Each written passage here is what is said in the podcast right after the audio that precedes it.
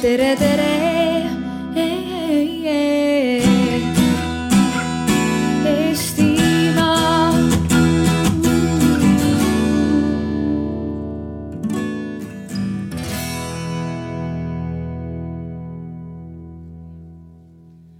Tere päevast väga hea, nüüd ma saan aru, et mind on kuulda. vihje oli see, et nii kui muusika peatub, nii võin äh, rääkima hakata. Ähm, kell on natukene juba üks läbi ja kuna meie suurel pikal äh, osalusarutelu maratonil on väga tugev ajasurve, siis me tahtsime ka väga täpselt alustada. nii et kes on veel siin telgi ümber ja otsib endale kohta, tere tulemast, tulge astuge sisse olge hea, valige endale üks äh, laud, kus te tahaksite nüüd ülejäänud aja tööd teha. kas teid kõnetab kõige rohkem äh, sündimusega seotud probleemide rägastik või siis rändega seotud teemad või siis äh, meie enda inimeste kaasatuse, kaasamisega tööhõive, haridusse, ühiskonnakorraldusse seotud teemad. Need on kõik siis pealkirja tööhõive all. Te näete, iga laua juures on selline faktileht millel on pealkiri ja selle pealkirja järgi saategi endale valida, nii et tulge aga julgelt lautadesse ära, siis on meil palju lihtsam alustada. Ja mitu inimest tulid juba minu juurde, küsisid, mis siis täpsemalt saama hakkab, aga sellest kõigest ma kohe räägingi, senikaua kuni te veel julgemalt sisse astute. minu nimi on Maris Jõgeva, mina olen tänase arutelu juht Eh, ja, ja mul on rõõm tutvustada veel kolme inimest, kes platsi peal äh, aitavad kohe võib-olla praegugi teil äh, lauda valida. Äh, meil on Jane, kui sa lehvitad, Jane Oblikas, kes on disainmõtleja ja tegelikult ka selle arutelu formaadi mm, siis autor. suuresti Teele Nagel, Leha lehvita, aitab samamoodi ja Kristi Liiva kes on siis Teele Nagel nii siis kogu sellise inimvara probleemistikuga tegeleva ümarlaua mootor, nagu olen kasutanud sellist sõna ja Kristi Liiva kommunikatsiooniekspert eh, ja samuti inimene, kes väga valutab südant sellest, et mis Eestist saada küll võiks kõigi küsimustega võite julgelt ka selle nelja tunni jooksul pöörduda siis äh, minu abiliste poole ja, ja ükskõik, kas mure on siis tehnilist laadi või sisulist laadi, et äh, nemad aitavad leida lahenduse. tulge ikka julgelt palun siis äh, siia laudadesse, muidu on teil väga raske osaleda Eh, mis eh, täpsemalt eh, saama hakkab?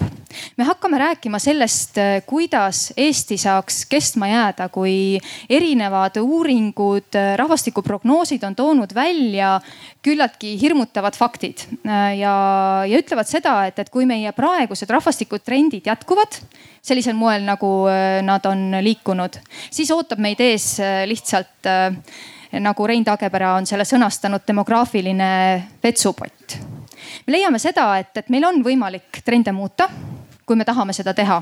me peame lihtsalt äh, aru saama, et, et kus on need probleemide teravikud ja mõtlema lahenduste peale ja lahenduste peale mõtlemiseks on meil vaja võib-olla jõuda ühiskondlike, kogukondlike kokkulepeteni, mis on see, mida me teha saame. selleks, et me saaksime need lahendused leida, on meil kõigepealt ähm, väga hea võimalus äh, lisaks erinevatele faktidele, diagrammidele, numbritele kuulata nelja inimest, kes on nii sündimuse, rände kui siis äh, inimvara arendamise teemadega mm, palju tööd teinud.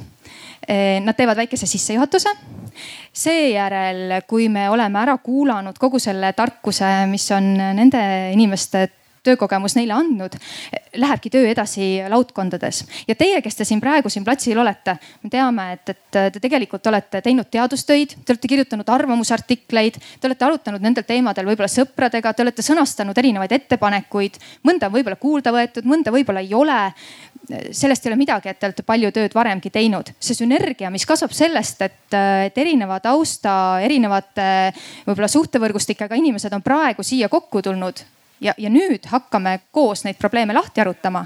sellest sünergiast ma usun, et me saame tegelikult väga põnevad lahendusideed. Need lahendusideed jõuavad täna kõigepealt äh, peaministrikandidaatide debatti nüüdsamas õhtul siinsamas. ja lisaks me need ideed anname edasi ka erinevatesse riiklikesse strateegiaprotsessidesse, eriti Eesti kakskümmend kolmkümmend viis strateegia koostajatele, mis peaks selline, selline suur katus olema, kus siis, mille alusel teha valikuid Eesti siis tuleviku tegevuste osas ja, ja võib-olla on mõned ideed sellised, millest kasvavad välja rahvaalgatused ja kollektiivsed pöördumised Riigikogule. nii et, et seda saame lubada, et, et ühtegi head ideed kuskile laokile ei jäta, siia platsile ei jäta, vaid aitame nad edasi viia nendeni, eh, kes saavad päriselt midagi ka ette võtta. mul on tunne, et äkki see on nüüd sissejuhatuseks kõik. kuidas tundub? Võib-olla ainult ainukene asi on see, et, et tuletada meelde siis äh, head arutelu tava, mis on Arvamusfestivalil. Ehm, vaatan igaks juhuks, et ühtegi punkti ma ära ei unusta. Äh, kõigepealt äh, austame aega, arutelu juhti ja kõiki teisi osalejaid. teiseks tõestame, mida me väidame. kolmandaks kuulame. kuulamine on ju sama oluline kui kõnelemine neljandaks oleme arutelus osalevate inimeste suhtes hinnanguvabad. lisaks reageerime mõtetele, mitte isikutele. ja viimaseks katsume olla lahenduse kesksed. kui teeme kriitikat, teeme seda kiiresti ja lühidalt, aga seejärel pakume lahendusi Need on head põhimõtted, mida silmas pidada, eriti kui nüüd järgmisena laudadesse läheme ja, ja kõik te sõna saate, aga, aga aitab nüüd küll, küll minust ja, ja sellest sissejuhatusest, et küll need asjad hakkavad liikuma. mul on hea meel tutvustada kõigepealt mm, viite inimest tegelikult, kes on aidanud meil seda arutelu mm, ette valmistada kelleks on siis Alice Tammur. Mm, Alice, sa oled Statistikaameti vanemanalüütik Äh, lisaks äh, Lea Danilson-Järg, kes on MTÜ Eesti sündimusuuringud juht. Äh, kolmandaks Ave Lauren, Euroopa rändevõrgustiku Eesti kontaktpunkti juht. Ja neljandaks Merle-Liisu Lindmaa Skype Eesti personalijuht. Ja tegelikult on aidanud meid ka Mihkel Servinski Statistikaametist Äh, kes on hoopis osalejana praegu ühes laudkonnas ja annab oma teadmise suures osas sinna ja ühe asja unustasin veel, et enne kui ma annan nüüd teile lõpuks sõna, unustasin veel mainida, et, et, et seda arutelu helisalvestatakse. pärast on hiljem võimalik järele kuulata, mis siis täpsemalt toimus ja kes mida ütles. ja lisaks me jäädvustame selle arutelu visuaalselt. nii et näete, seal nurgas on Joon Meediast Siiri kes eh, juba paneb kirja, mida me tegema hakkame ja pärast ka sisuliselt siis kogu selle arutelu käigu eh, joonistab ülesse ja võib tulla ka teie laudade juurde, et ärge kohkuge, kui ta siis võtab istet siis kellegi teie juures ja, ja hakkab joonistama teid või teie lahendusi. et sellest on ainult pärast kasu.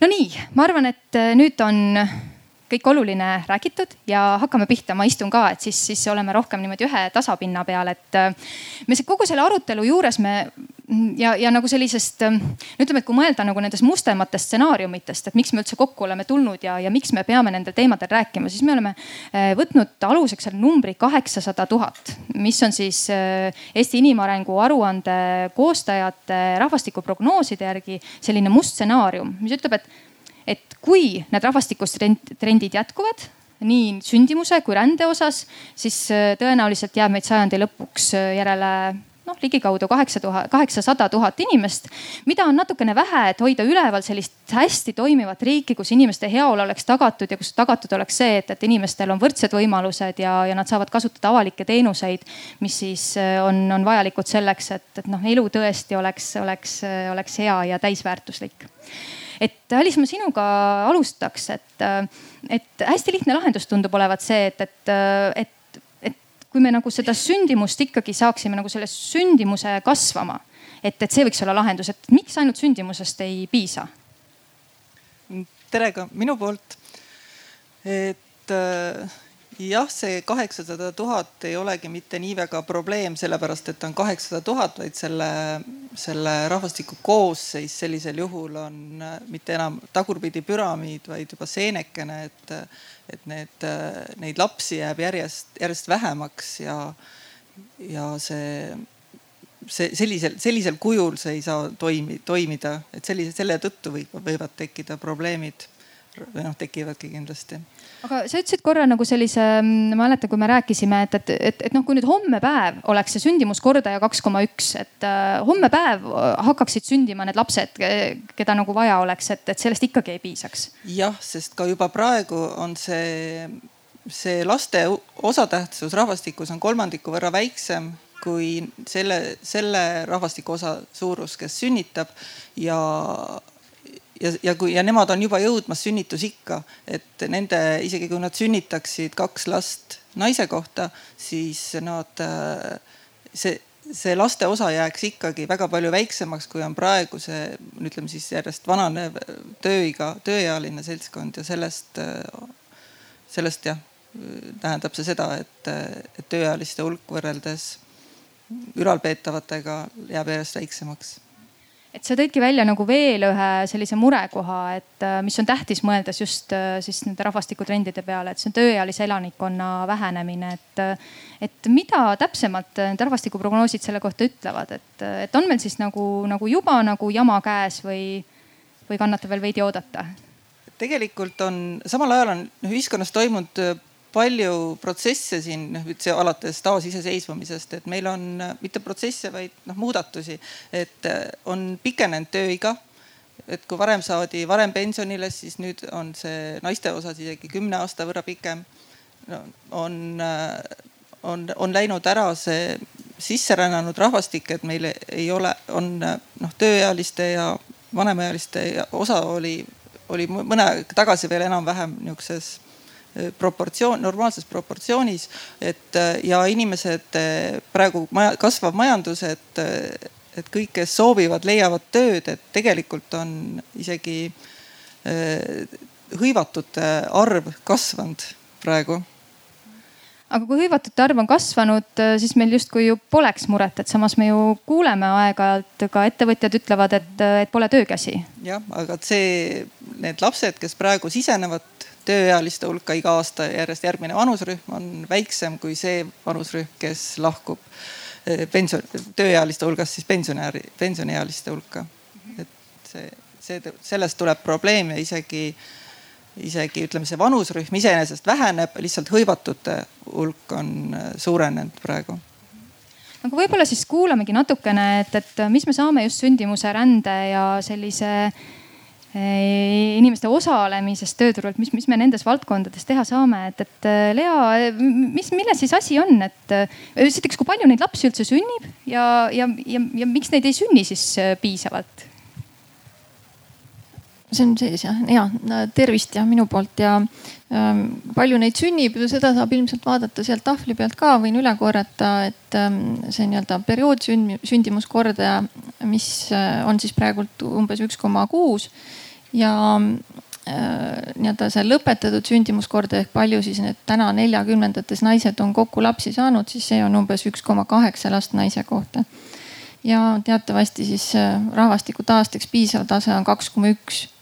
nii et äh, praegult on siis umbes noh, viisteist ütleme kuni kakskümmend protsenti vähem, mis tähendab seda, et iga järgnev põlvkond on selle võrra väiksem et Eesti muutub siis iga põlvkonnaga, kui see olukord jätkuks, muutuks iga põlvkonnaga umbes viisteist, kakskümmend protsenti väiksemaks. ja noh, kui vaadata siin nüüd Euroopa kontekstis, et meil on seal ka selle ähm, stendi peal seal välja toodud, et Eesti ei erine väga palju ka nüüd Euroopast selles mõttes, et äh, Euroopas üldiselt on olukord kehv nagu muidu ka arenenud riikides ja, ja nüüd juba isegi ka mitte nii arenenud riikides et kui me ennast Euroopaga võrdleme, siis me oleme suhteliselt keskel. aga et teistel läheb ka halvasti või väga halvasti, siis ei saa kindlasti seda piisavaks lugeda, et me kuskil keskel oleme. ja tihti ma olen kuulnud seda, et süüdistatakse tänast, tänases madalas sündimuses rasestusvastaseid vahendeid, et need on nüüd sellise olukorra põhjustanud, et et siinkohal võib-olla väike ajalooline tagasivaade, et tegelikult äh, Euroopas on see sündimus olnud alla taastetasandi juba peaaegu sajandi. ja, ja kõik need protsessid algasid ju veelgi varem, juba üheksateistkümnendal sajandil. ja taga on sellel ikkagi ühiskondlikud muutused ja selline moderniseerumine, pere noh, ütleme perega seotud muutused ja, ja selles mõttes äh, on siin olnud üksikuid helgemaid momente. peale sõjajärgne äh, põlvkond näiteks oli kõrgema sündimusega, üldiselt Eestis mitte, aga Eestis oli siis selline laulva revolutsiooni aegne buum, mida tihti peetakse ka selliseks äh, noh, hilinenud buumiks, mis, mis mujal maailmas toimus peale sõda. ja selle buumi taga oli see siis, et äh, abielluti rohkem, et toimus selline üleüldine abiellumise buum ja sellega kaasnes siis ka see laste buum. ja, ja tänaseks on see kõik hajunud, kasvanud on igal pool Euroopas lastetus, ka Ida-Euroopas, kes on siis noh, oli sellises totalitaarses olukorras ja meil ka teatavasti kehtis lastetusmaks ja lastetus püsis isegi alla kümne protsendi. noh, mis tänapäeva Euroopas on täiesti enneolematu juba et, et ka need Ida-Euroopa riigid, kes siis niisugustes tingimustes elasid, on ka nüüd lastetuse osas juba kasvu läbi teinud ja, ja ületamas seda kümne protsendi piiri. ja mujal Euroopas on see siis juba seal kuni kakskümmend, näiteks Soomes ka, Soome on tõusnud üheks kõige kõrgema lastetusega riigiks Euroopas oma kahekümne protsendiga. ehk siis kõik see selline perede ebastabiilsus, äh, abiellumise vähenemine, et palju on üksikuid inimesi, kes ei leiagi partnerit, on viinud olukorda, kus Eestis näiteks on niimoodi, et nelikümmend naist sajast ei saa ühtegi last või saavad ainult ühe lapse. Ja see tähendab, et need ülejäänud kuuskümmend naist sajast peaksid siis nüüd justkui kõik selle kompenseerima, eks ole, et, et see nelikümmend protsenti niivõrd vähe sellest rahvastikutaastest osa võtab. ja seal on siis välja toodud, et need ülejäänud kuuskümmend naist sajast peaksid saama keskmiselt kolm last. no täna nad muidugi need kuuskümmend naist sajast kolme last ei saa, nad saavad kaks ja pool. mis on ka tegelikult noh, päris hea ju, eks ole.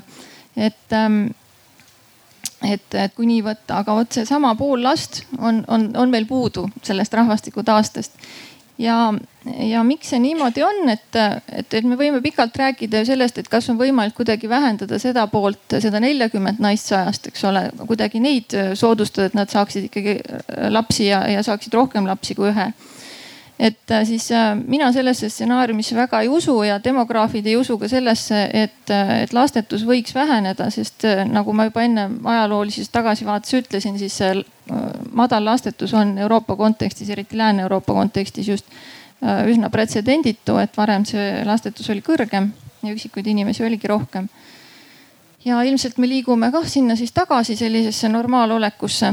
Ja, ja teiselt poolt siis mm, perede ebastabiilsus, et abielusid lahutatakse ja, ja need korduskooselud või taas mm, noh, need taasloodud perekonnad saavad vähem lapsi üldiselt kui, kui need perekonnad, kes on siis algusest peale lapsi koos kasvatanud nii et äh, nüüd äh, nii-öelda väljapääs, kuidas sündimust kasvatada, peaks otsima pigem ikkagi sellest kuuekümnest naisest saja kohta, kuidas nad jõuaksid nii kaugele, et tõesti neil keskmiselt sünniks kolm last. et äh, noh, lasterikkuse tähtsust on isegi, ma teeksin sellise väikese väikese mm, katse siin, et, et iseloomustada võib-olla seda lasterikku, lasterikaste perede osakaalu tähtsust rahvastiku taastes, et ma kõigepealt küsiksin teie käest, et kui paljud teist tõst, tõstaksite siis käe püsti, kes on sellisest perest, kus oli, kus teil on äh, kaks või rohkem õde-venda? nii, päris palju jah, aga nüüd palun tõstke käed need, kellel endal on vähemalt kolm last nii, no meil kindlasti ei ole siin väga selline esinduslik valim, aga käsi oli vähem, eks ole, teisel korral oli käsi vähem. et äh, statistika ütleb seda, et umbes äh, neljakümnel protsendil inimestest on, äh, kes siin täna toimetavad meil, eks ole, on, äh, nad on perest, kus on kolm või rohkem last, ehk siis neil on rohkem kui kaks õde-venda. tähendab kaks või siis rohkem ja, ja neid, kes ise on saanud vähemalt kolm last, neid on kuskil ainult kakskümmend kolm protsenti. aga aga tulemus on siis selline, et, et nii-öelda sellest tulevasest ühiskonnast peaaegu pool on need, kes on sündinud just lasterikkasse perre. ja, ja, ja näitega ma võin ka siis tuua sellise näite veel selle iseloomustamiseks, et näiteks kui me võtame tuhande üheksasaja seitsmekümne neljandal aastal sündinud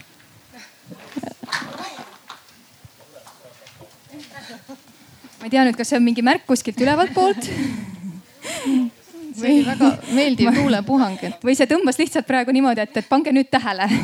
just, et äh, seitsmekümne neljandal aastal sündinud naised näiteks, kui me võtame näitena, siis äh, need naised sellest, äh, et umbes nelikümmend protsenti nendest naistest on saanud siis kaks last ja nad kokku on siis seega saanud umbes seitse tuhat kakssada last. aga need, kes on siis saanud kolm ja enam last, neid on ainult kakskümmend kolm protsenti, aga nad on saanud isegi sada last rohkem kokku, nad on saanud seitse tuhat kolmsada last. nii et näete, et see lasterikaste perede panus rahvastiku taastesse on üsna märkimisväärne ja, ja ta võiks olla veelgi märkimisväärsem, sest äh, kõik need äh, Euroopa riigid, kellega me siin ennast võrdleme, vaatame, et nende sündimus on kõrgem, siis neil on ühtlasi ka lasterikaste perede osakaal suurem. Nii et äh, kui otsida lahendusi, siis ma arvan sellest valdkonnast eelkõige, et kuidas muuta laste kasvatamine lasterikas peres tänapäeval võimalikuks, mugavaks ja mitte elukvaliteeti halvendavaks. Aitäh, et ähm, kui me tagasi tuleme nüüd nende rahvastikuprognooside juurde, siis nad toovadki hästi välja, et, et kui me tahame neid trende muuta, siis me tegelikult peame tegelema paralleelselt nii sündimustrendide muutmisega kui siis ka mõtlema selle peale, et, et kuidas muuta siis neid erinevaid rändega seotud trende. sest et ka Eesti rändesaldo oli ju, on olnud viimased aastad negatiivne, kuigi nüüd viima-, päris viimasel aastal on see jällegi positiivseks muutunud. et ähm, et, et Ave, et äkki sa saad natukene, natuke lähemalt rääkida sellest, et mis, mis see ränne siis nagu tervikuna üldse on, mis on need selle nagu komponendid, sest et inimesed ju rännanud on nagu kogu aeg. jah tere minu poolt ka ja üks asi, mis on väga oluline, ongi rõhutada seda, et tihtipeale räägitakse rändest kui äh, kaasaja nähtusest. aga tegelikult on ränne alati olnud väga loomulik ja keskne osa inimajaloost, et põhimõtteliselt me saame öelda, et ränne ennetas tsivilisatsioonide teke, et see teket, et see oli põllumajandust, mis muutis inimesed paikseks, enne seda oldi nomaadsed.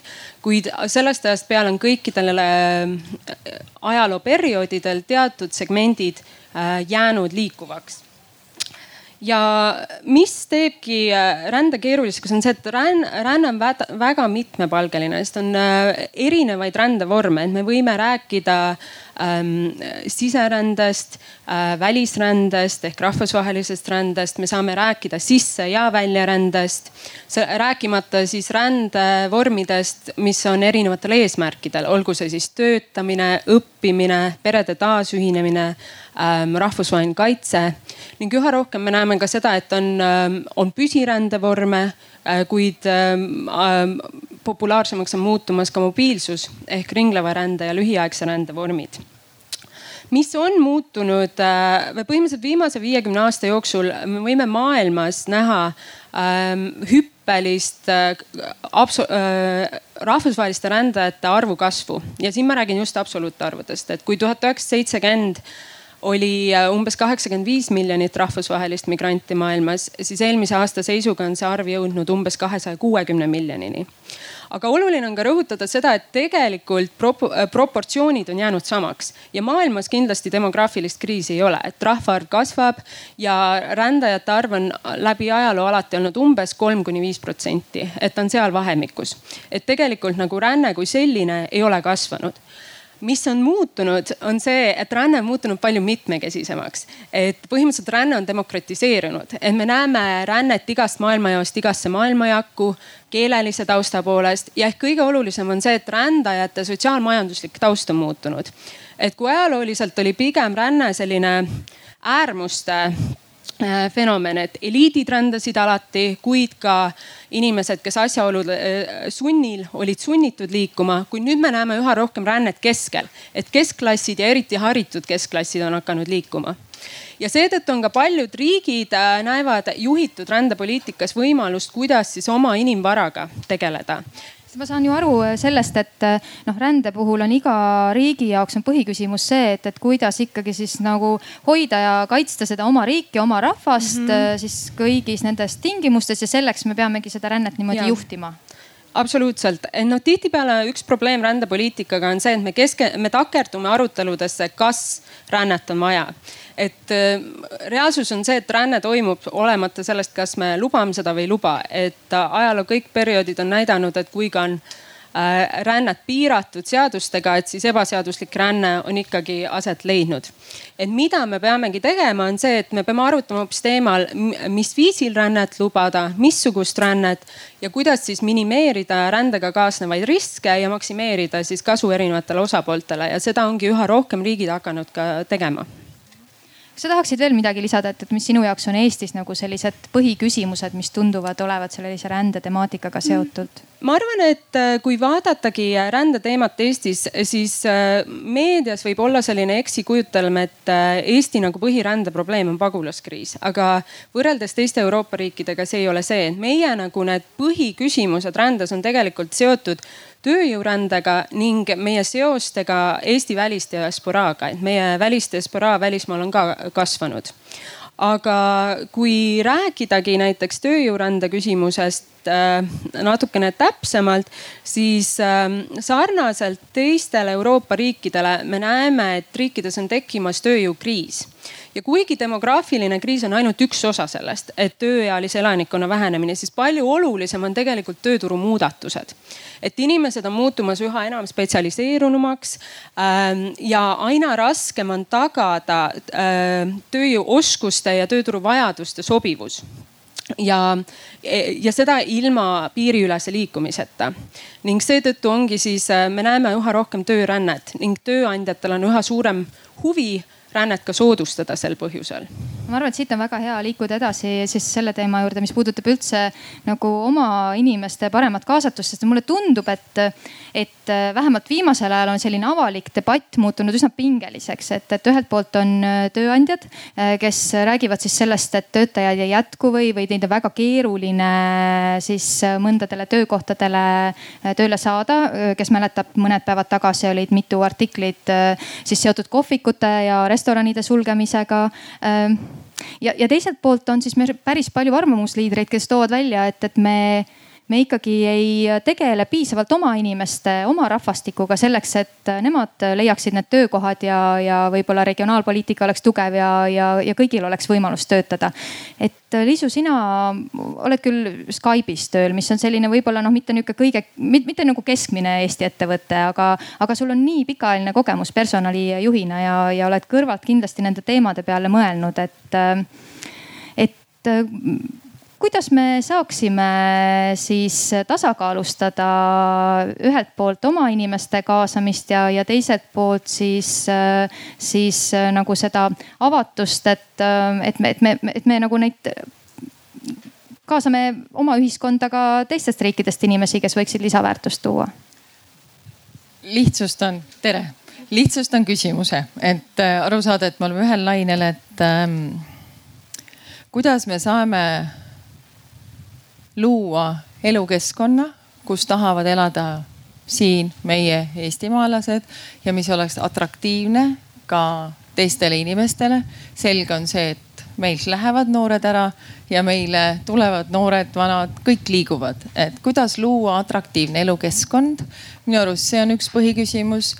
Ähm, teine sinna valdkonda läheb, et et geopoliitiliselt me võiks olla atraktiivsed, et meil on õnn ja õnnetus olla maailma selliste ägedaimate riikide kõrval, ütleks ma nagu Skandinaavia riigid.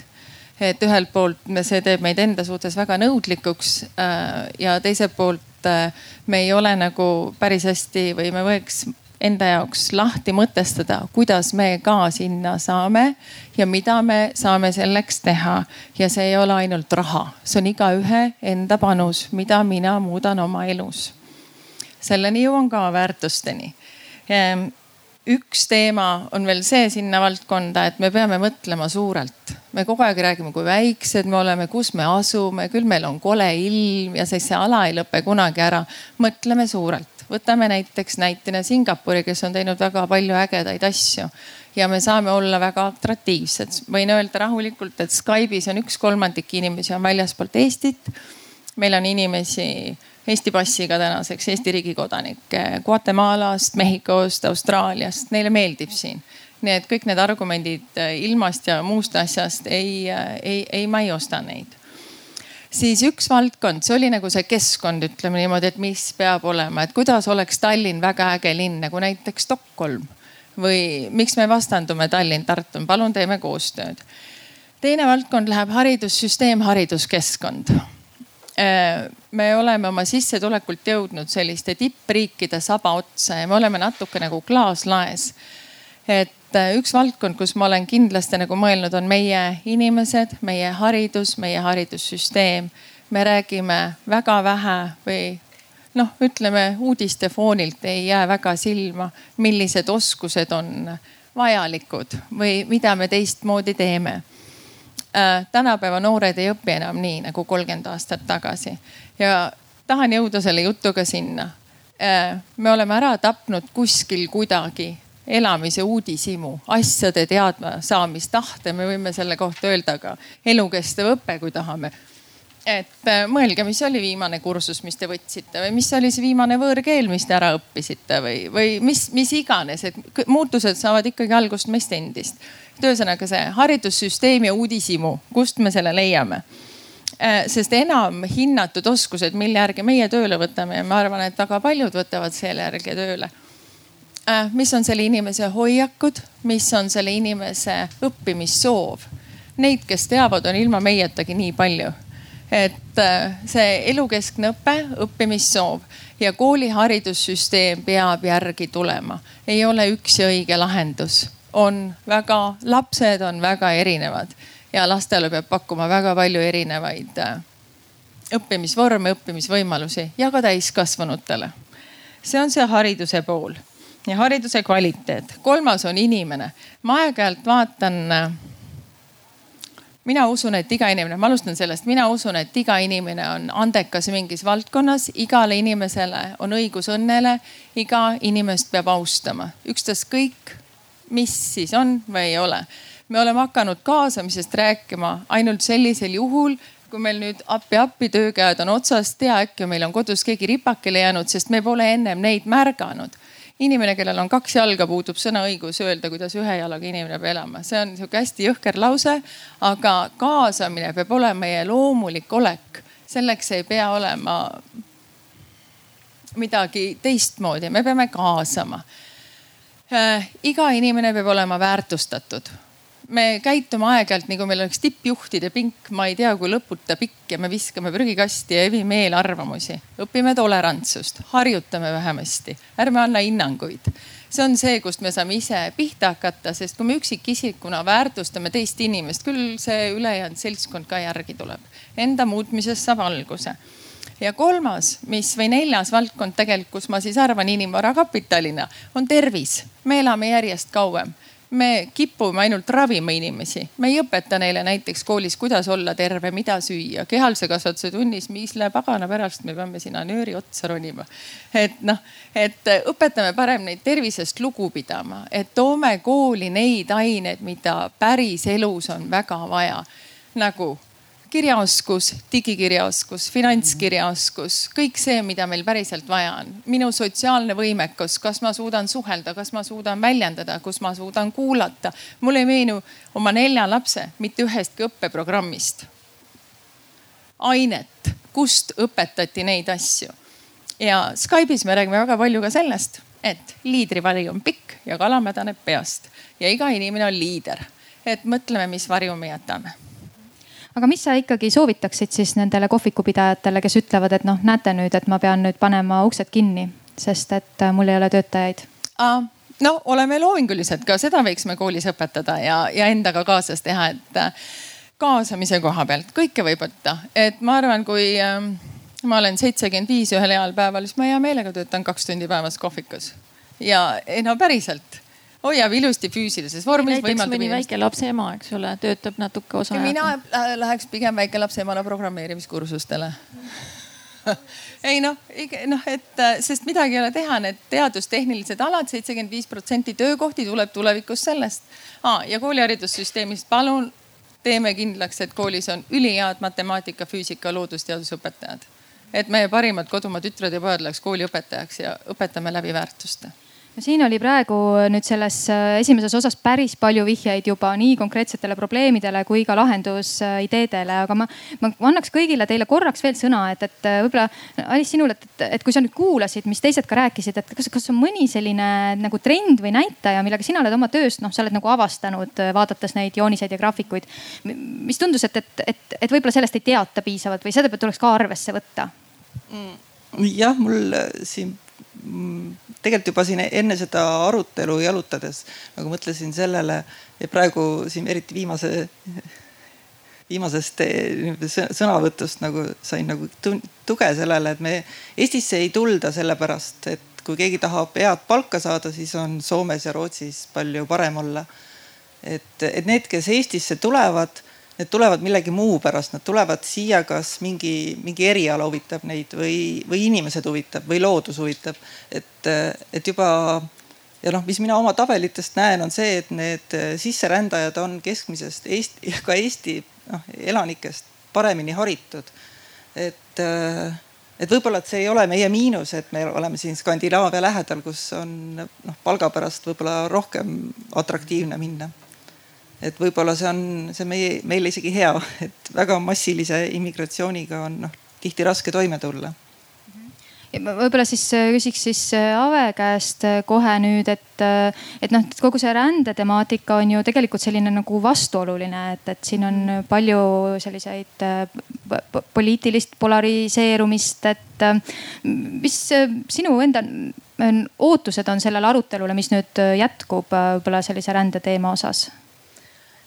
Ta absoluutselt, et ränne on olnud selline hästi keeruline ja poliitiliselt toksiline teema, et ta on, poliitikud üldjoontes ei taha seda puudutada ning kui üldse rändest räägitakse, siis tihtipeale räägitakse rändest selliste lihtsate hüüdlausetega, et kas siis rohkem rännet, vähem rännet kuid selle asemel nagu rände juures väga oluline on nüansid, sest ränne ei ole oma olemuselt hea või halb.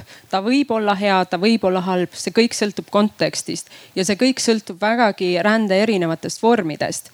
ning ühe, isegi ühtlaadi rändega võib kaasneda Äh, positiivseid ja negatiivseid külgi, et noh, mu enda akadeemiline taust on ka pigem just tippspetsialistide rändeuuringud.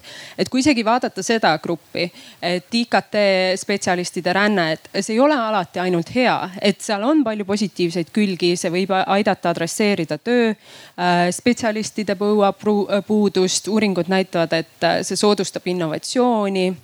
Ähm, Äh, migrandid on tihtipeale ettevõtlikumad, aga seal on ka probleeme ja need probleemid on erinevad eri osapooltele, et näiteks lähteriigile võib see tähendada ajude kadu äh, sisseränderiigile võib see tähendada regionaalsete erinevuste süvenemist, sest tippspetsialistid üldjoontes lähevad keskustesse, mis võib soodustada ääremaastumist. kuid veelgi enam, see võib ka migrandile endale tähendada probleeme, sest tihtipeale kvalifikatsioonide ühtlustamine ei ole niivõrd lihtne äh, riikide üleselt. Tihtipeale on elamisload seotud tööandjatega, et probleeme on mitmeid ja seetõttu minu ootus täna siin selle aruteluga oleks ka, et me liigukski natuke nende nüansside juurde. et me ei räägiks niivõrd sellel teemal, kas vaid kuidas, mis viisil, mis tingimustel ja kuidas me seejuures siis tagame Eesti kultuuri, riigi, majandusele kõige parema Lea, kas äh, sina oskad juba sõnastada ka nagu oma ootusi, et, et äh, sa tegelikult oled ju analüüsinud ja hinnanud juba igasuguseid meetmeid, mis Eesti riigis on sündimuse kasvuks ette võetud. ja mõned neist on ju ka tõhusad olnud. ja selles mõttes, kui rääkida senisest perepoliitikast, siis see on üldiselt olnud väga edukas ja, ja ega me muidu seal keskmike hulgas ei oleks, et võib-olla me oleksime ka seal, kus on ülejäänud Ida-Euroopa, kes, kes tuleb sellisest äh, Äh, mahajäämusest, eks ole. mis, mis kohe peegeldub ka sündimuses, sest äh, kindlasti noh, nii nagu sündimus on seotud äh, ka majandustrendidega, et nii kui majandus kukub, kukub ka sündimus. siis täpselt samamoodi ka selline riigi jõukuse tase nagu näha, siis ikkagi mõjutab sündimust, sest kõige laste nagu kõige kõrgem sündimus on Euroopas ikkagi riikides, mis on ka kõige rikkamad ühtlasi, näiteks Iirimaa ja Norra et, ähm, et see elukvaliteet ja, ja see, need võimalused kindlasti mõjutavad sündimust, et, et Eesti perepoliitika on olnud hea, aga tal on selline puudus, et, et ta kõnetab või, või adresseerib neid probleeme, mis on nendel peredel, kus on seal üks-kaks last. et kelle, kes, kes on laste tõttu väga lühiajaliselt tööturult eemal ja võib-olla siis ainult ühe, ühe-kaks korda, eks ole ja võib-olla need ka siis ühendatult, kui lapsed on järjest sündinud. ta ähm, tagab lastehoiukoha, eks ole, tasuta. samas kui sa tahad lapsi kodus kasvatada ise näiteks suures peres, siis, siis ei saa sa mingit toetust selle eest. aga samas riik nendele lastele teeb kulutusi, kes käivad lasteaias nii et äh, need, need meetmed on olnud sellise ühe-kahelapselise pere kesksed ja, ja nüüd esimene selline suur ja, ja oluline muutus oli siis eelmisel aastal, kui see lasterikka pere toetus äh, jõustus. et see on võib-olla esimene samm niisuguses äh, selles suunas, et, et, et ka teistsuguste vajadustega peresid, neid, kes soovivad just rohkem lapsi, et kuidas neid riigi poolt rohkem toetada ja nende meetmete osas on kindlasti veel arenguruumi aitäh! Ja, ja Liisu, kas sinul on ootusi tänasele arutelule, et mille peale võiks mõelda, et, et oma inimvara paremini väärtustada? kui see inimvara sõna on juba natukene sihuke tehniline, sulle vist ka ei meeldi? ei, see sõna mulle üldse ei meeldi. Äh, ma saan aru, miks me seda kasutame, ma olen selle ära defineerinud, enda jaoks on inimene pluss oskused pluss kompetentsid ja kõik ju sinna külge, aga mulle ikkagi meeldib sõna inimene ootused tänasele arutelule ähm, ei ole. sellepärast, mis iganes ma ütlen, siis see võib kuskile pidama jääma ja tapab ära loovuse, sest äh, mul on vast see ootus pikemas perspektiivis nagu oma kodus ja koduriigile, et me oleks tolerantsemad, sallivamad, haritumad, targemad, tasakaalukamad. ma arvan, see tänane arutelu viib meid sellele lähemale sest sellisel juhul meil meeldib endil siin elada ja, ja võib-olla kui mõelda selle inimvara peale, et kaasamine on see sõna, et mis võiks olla see töö paindlikkus, mida me suudame tööturul pakkuda või kuidas me kaasame kõiki inimesi, kuidas iga inimene saab tunda ennast väärtustatuna. vast see äkki annab mingi vastuse kuulsin juba saalist, et me peaksime rääkima osalusest ja kaasamisest, eks see ongi, et kumbalt poolt ka vaadata, et, et me tegelikult tõenäoliselt mõtleme ühte sama asja, aga me, kes, kes kasutab ühte, kes kaasamine, teist. kaasamine, koma osalemine, koma, mis iganes see võiks siis seal olla, jah aga kohe lähemegi, liigumegi sellesse töösse, mis saab nüüd olema nendes laudades ja, ja kust tõenäoliselt tuleb see kõige suurem väärtus, et ma ütlen suur aitäh praeguseks äh, meie mm, headele ekspertidele. me saame sõna veel äh, täna mitmel korral. enne kui me laudadesse läheme, et ma küsin, et kui te nüüd prooviksime nagu neid samu teemasid äh, viia hästi isiklikule tasandile, et, et te mõtlete nagu mm, omaenda mm, nagu sisemuses nende hirmude ja soovide peale, et kui te mõtlete Eesti tulevikule ja, ja sellele, et, et, et kuhu siis nagu see, need prognoosid meid viia võiksid. kas, kas keegi teist tahaks jagada oma kõige suuremat hirmu, kõige suuremat lootust? mina võin öelda seda, et, et lootus ei sure kunagi, eks ole aga aga noh, sündimuse valdkonnas vähemalt on tegu sellise protsessiga ja demograafid ise ka arvavad, et kunagi sündimus kindlasti taastetasemele tagasi jõuab. küsimus on, et millal ja mis selleks ajaks on juhtunud. ja, ja Eesti on selles mõttes võib-olla mõnevõrra erandlikus olukorras, et meil ei ole neid loomulikke protsesse väga aega ära oodata. et äh, meid on lihtsalt äh, üks miljon siin ja, ja kui me väga kaua ootame, siis võib meid olla liiga vähe, et seda riiki pidada et äh, teistel Euroopa riikidel seda, seda probleemi iseenesest ei ole, neil on ainult selle nii-öelda vananeva äh, kodanikkonnaga toimetulemise probleemid, noh, mis on teatud mingisuguste muutustega võimalik siiski üle elada ja kindlasti on ka Eestil võimalik niisamuti nagu meil on ju, me võime rääkida küll tööealise elanikkonna äh, kahanemisest, aga samas äh, meil eluiga kasvab, tervelt elatud aastad kasvavad, vanemaealised saavad tervena töötada kauem, eks ole. nii et kui me arvestame, tõstame nüüd selle kuuekümne viielt äh, selle tööealise elanikkonna piiri kõrgemale, siis meil ongi probleem lahendatud, eks et ähm,. see kõlab kõik nagu väga-väga lihtsalt aga, aga äh, veel äh, Mihkel, äh, sina oled aidanud meid ka natukene selle aruteluga. kas, kui, kui ma küsiksin nüüd sinu käest, et sa kuulates ka seda debatti, et mis sinu nagu isiklik, hästi lühidalt, kui sa proovid öelda, et mis sinu kõige suurem hirm on äh,, mõeldes siis nende tulevikutrendide peale, mis on sinu kõige suurem lootus? ma annan sulle oma mikrofoni nii, tegelikult ega mul hirmu ei ole, aga mõned mured on, noh mured nagu eestlastel omal, et kõige suurem, kõige suurem on see, et kui me siin täna kuulame seda juttu, meil on hästi palju teadmisi, hästi palju fakte, kõike nagu on. aga meil ei ole ühiskonnas kokku lepitud probleeme, mida me lahendame. ja kui ei ole probleeme, siis pole ju midagi lahendada. Ja, ja kui me isegi mõnes probleemis suudame kokku leppida, siis tegevuskava, kuidas seda lahendada, meil ikka ei ole Äh, mul on sinu hirmudele vastus. me hakkame tegelemagi nende probleemide raamistamisega ja hakkame tegelemagi enda tegevustega ja vaatame, kas me tänase päeva lõpuks saame öelda, et, et Mihkel, sa saad rahulikuma südamega magama minna või siis on veel vara. et öö jääb veel ette. Teil on laudade peal, ma näitan ära, on sellised äh, pildid ja need aitavad teil võib-olla mõelda korraks selle peale, et mis on teie isiklik äh, kõige suurem hirm ja isiklik kõige suurem äh, lootus. Eh, valige nende piltide seast, võite nad laotada niimoodi laua peale laiali. igaüks valige endale, mõelge natukene, vaadake, missugune pilt illustreerib teie kõige suuremat hirmu ja teie kõige suuremat lootust. Ja mõelge nagu selle peale, et, et kuidas seda hirmu ja lootust öelda niimoodi ühe-kahe sõnaga, hästi lühidalt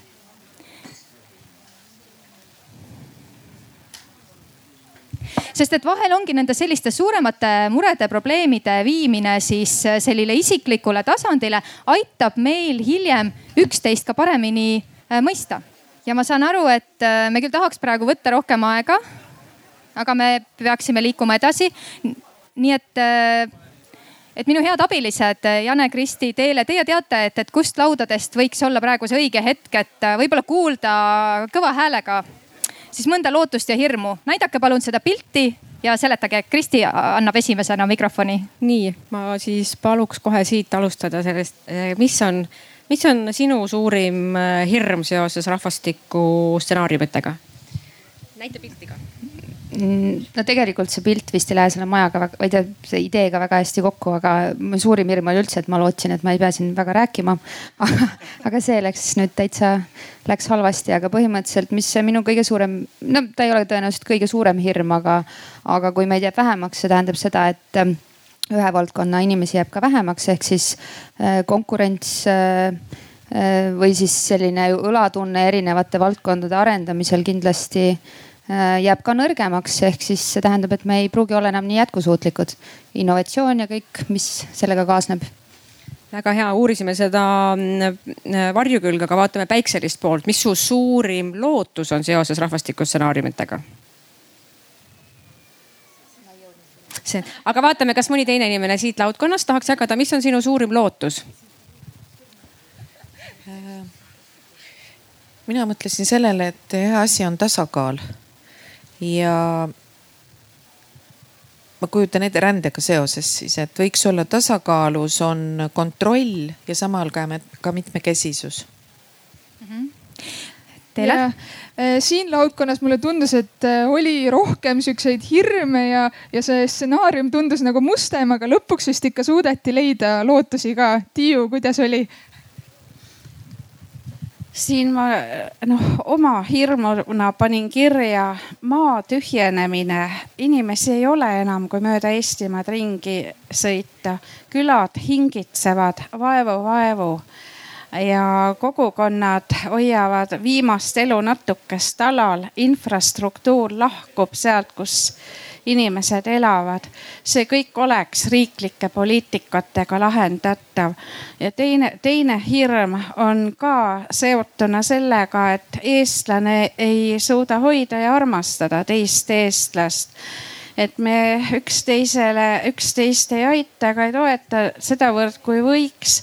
küll aga kuuled neid kahjust, kahjustusi ja sellega kaasnevad teatud inimsuhte raskused aga lootus on kohtumised noortega ja näha toredaid vabaks kasvanud kompleksivabu noori inimesi, kes otsivad, kes julgevad, kes ütlevad.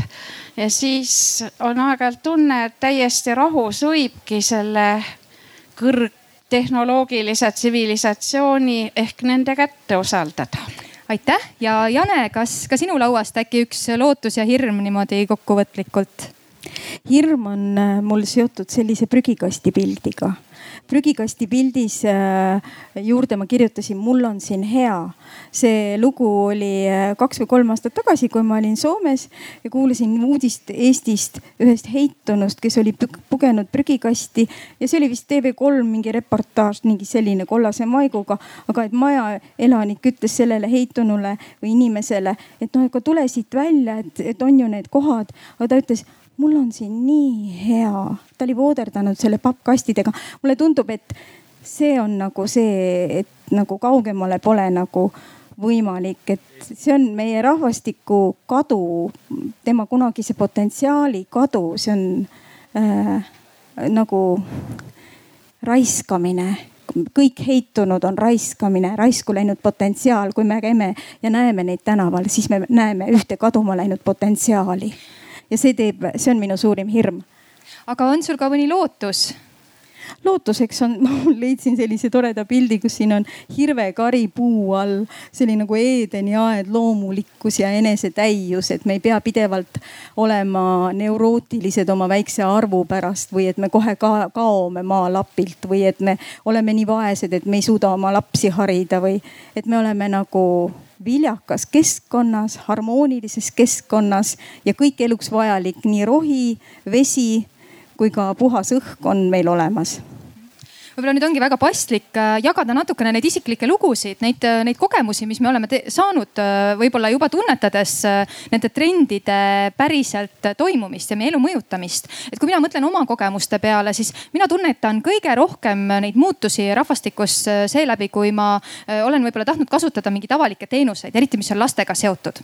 on see siis seotud sellega, et logopeedi ei ole lasteaias, kuigi kõik ütlevad, et näed, et, et, et sa peaksid seda kasutama ja kui ma uurin, et miks ei ole, siis on kõik nii, et, et, et meil ei ole lihtsalt piisavalt raha, et seda teenust niimoodi tagada ja, ja lihtsalt paraku enam sellest ei jätku. või on see seotud õpetajate puudusega või siis tõesti sellega, et, et, et ühel korral olen ka läinud traumapunkti, kust öeldigi, et, et, et tulge homme tagasi, sest et meie röntgeniaparaat on läinud katki ja see nagu näitabki mulle, et, et kas meil siis tõesti ei ole enam vahendeid, et äh, pidage ta üleval siis seda tehnikat, neid teenuseid, mida me justkui tahame ja vajame selleks, et õnnelikult toime tulla.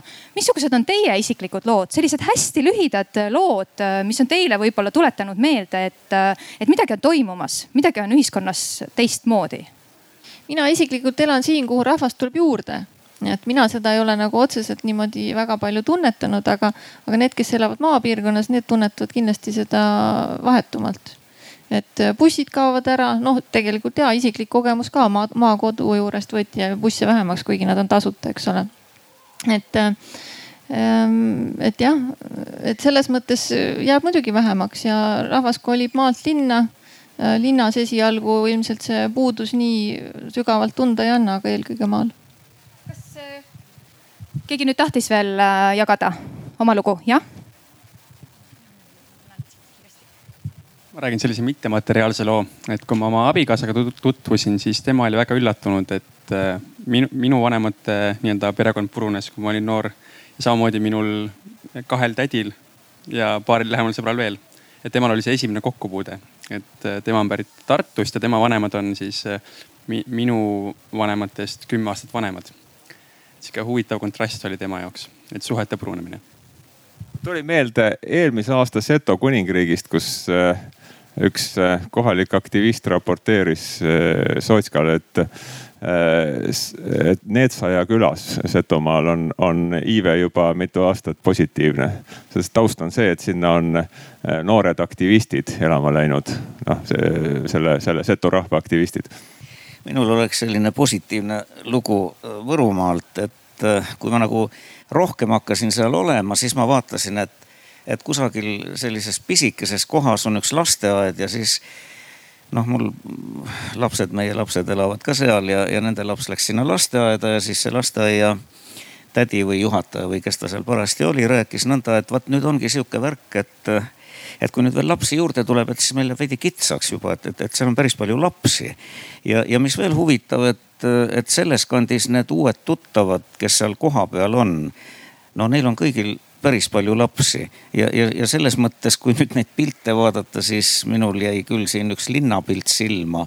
et ei ole midagi jubedamat kui linnade vohamine maapiirkondade arvel. ja siin ilmselt on mõistlik nii üht kui teist teha, aga seda on vist juba esimeses Eesti Vabariigis keegi tark pea öelnud, et linnad, see on perekondade ja laste surnuaed. või rahvuse surnuaed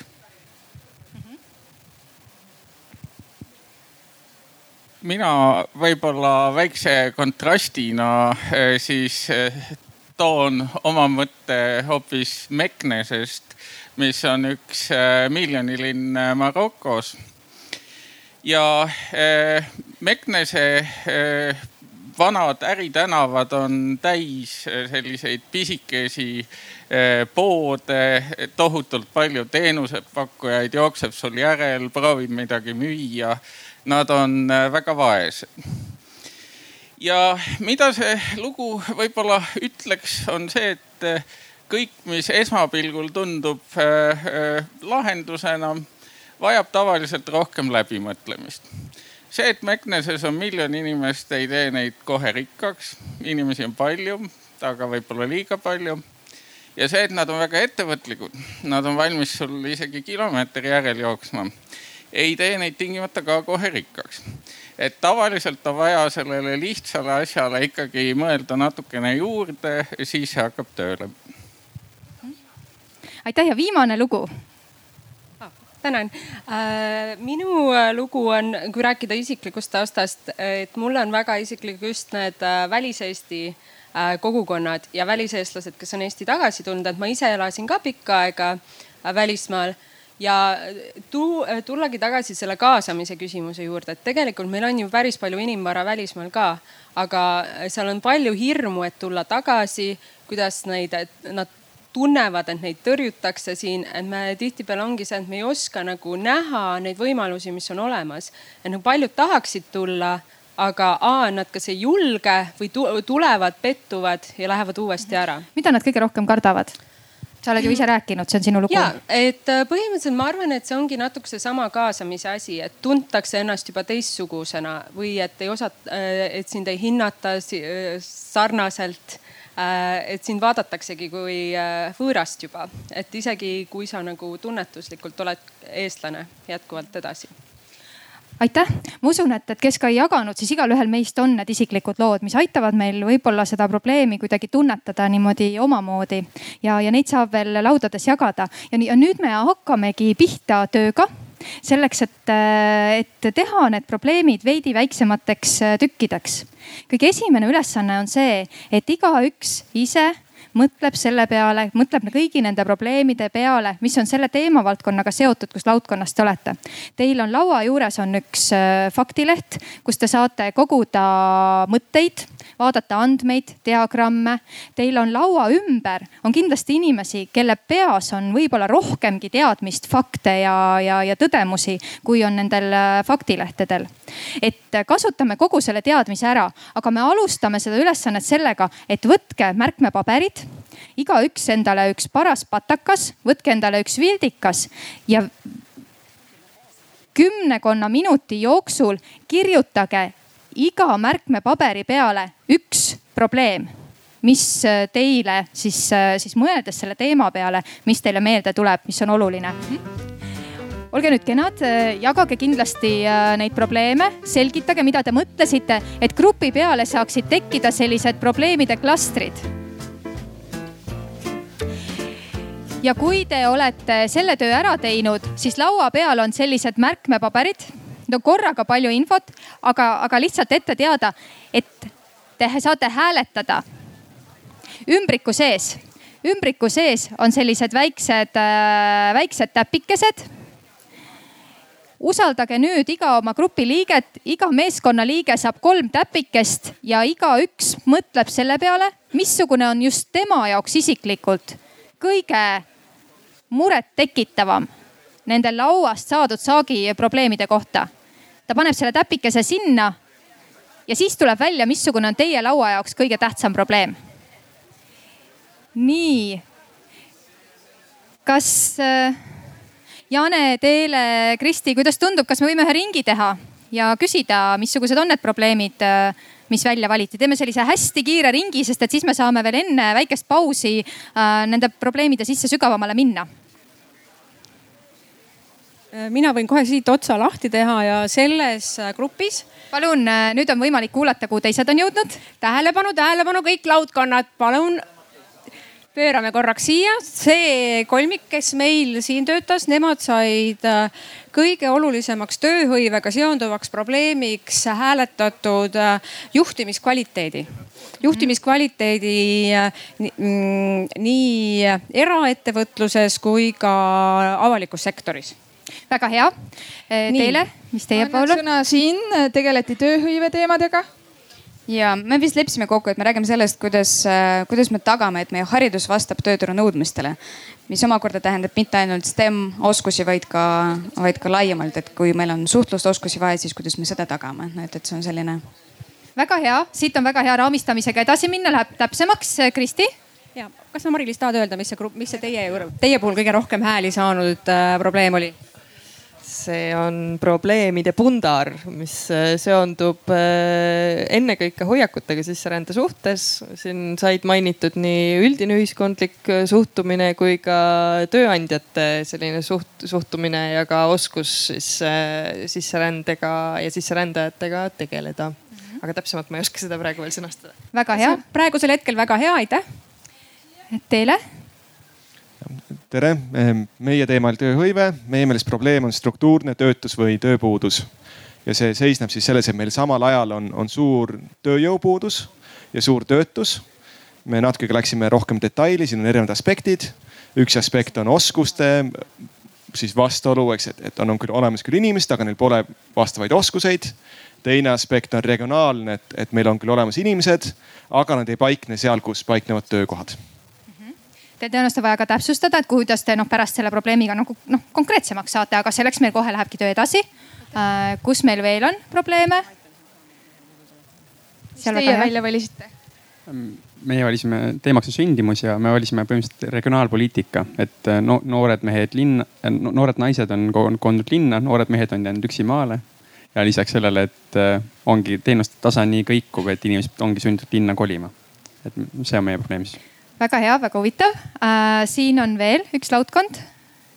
on meil mikrofon oh,, teil on juba olemas äh, me siin päris pikalt nagu vaidlesime, et kumb nendest, kaks asja, mis olid nagu olulised. mis teie Aga teema siis, on?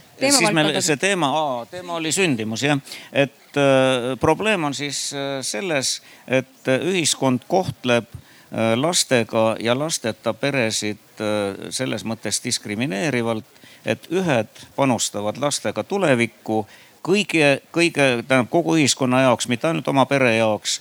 aga teised, kes ei panusta, neil on võimalus oluliselt rohkem ennast arendada.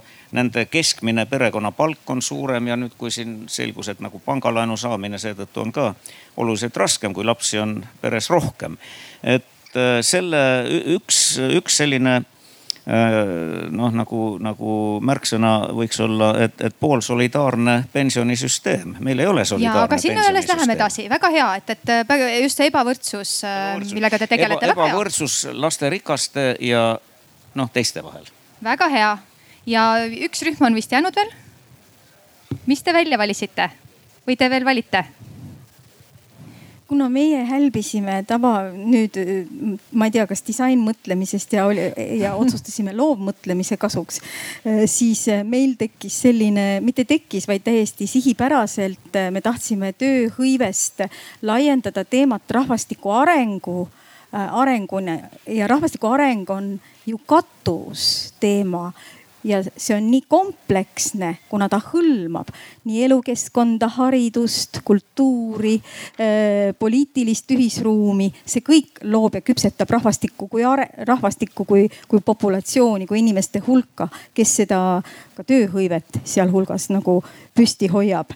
ja selle tõttu meil on komplekssed kobarad, teemade kobarad, mis võib-olla meil õnnestub mingisugune puu sellest kasvatada, aga praegu veel ei tea. aga Leif äkki defineerib need? ja äkki see üks, noh millele te olete otsustanud, et te keskendute? ma arvan, et äh, selle arutelu üks järeldus on see, et äh, probleem tuleb täpselt määratleda ja sõnastada niisugune metoodiline sõnum. See on äh, võib-olla praeguse seisuga kõige nagu selgem no ega ma nüüd päris üksi ei teeks, et me võtaks siis kuskil kolm minutit juurde. väga hea, ma arvan, et. no mulle tundub, et üks asi, kuhu me ikkagi keskendume, on see muutmine, muutmine, õppimine ja elukestev valmisolek eh, muutusteks, õppimiseks ja et aru saada, et keskkond muutub ja mina pean muutuma ja mina muudan keskkonda, keskkond ja mina oleme tegelikult vastastikuses seoses. Ja selle mõistmine, aga seda ei ole väga kerge kirja panna. Aga väga hea, suur aitäh aitäh kõigile. Äh, järgmine ülesanne ongi see, et, et me proovime neid äh, probleeme nüüd natukene täpsemaks enda peas saada ja teil on selleks on sellised probleemi raamistamise töölehed. ka need töölehed saab äh, nätsuga, mitte nüüd ärge võtke oma närimiskummi. laudade peal on need paberinätsud, tahvlinätsud, et nendega saab faktilehtede peale kleepida. nagu te näete, siin töölehe peal on mitmeid küsimusi siia keskele te võiksitegi panna siis selle väikse märkmepaberi, kus on kirjas see probleem, millega te teha tahate või see probleemide pundar, millega te teha tahate. Äh, proovige välja mõelda, kellel on probleem, mida head võib selle lahendamisega saavutada, mis takistab lahendamist, kuhu probleemi mitte lahendamine välja viib. Nendele küsimustele leida vastuseid ja neid vastuseid võib olla ka mitu samamoodi kasutage märkmepabereid, nii et, et neid vastused, kui teil on mitu vastust, kas siis sellele, et, et kellel on probleem, siis iga vastus oleks äh, eraldi äh, märkmepaberi peal.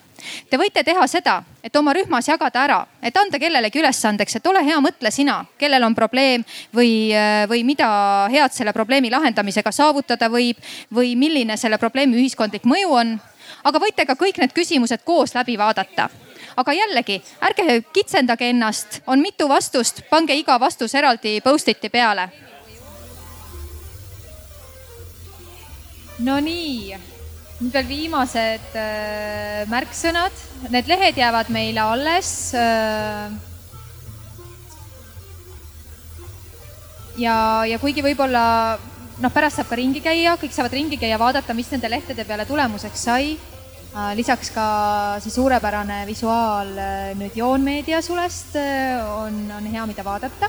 aga ma arvan, et me oleme valmis selleks, et, et hakata neid lahendusideid tutvustama. enne seda aga teeks ühe väikese aplausi kõigile neile inimestele, kes on siiamaani vastu pidanud ja tegelikult selle tulemuseni jõudnud.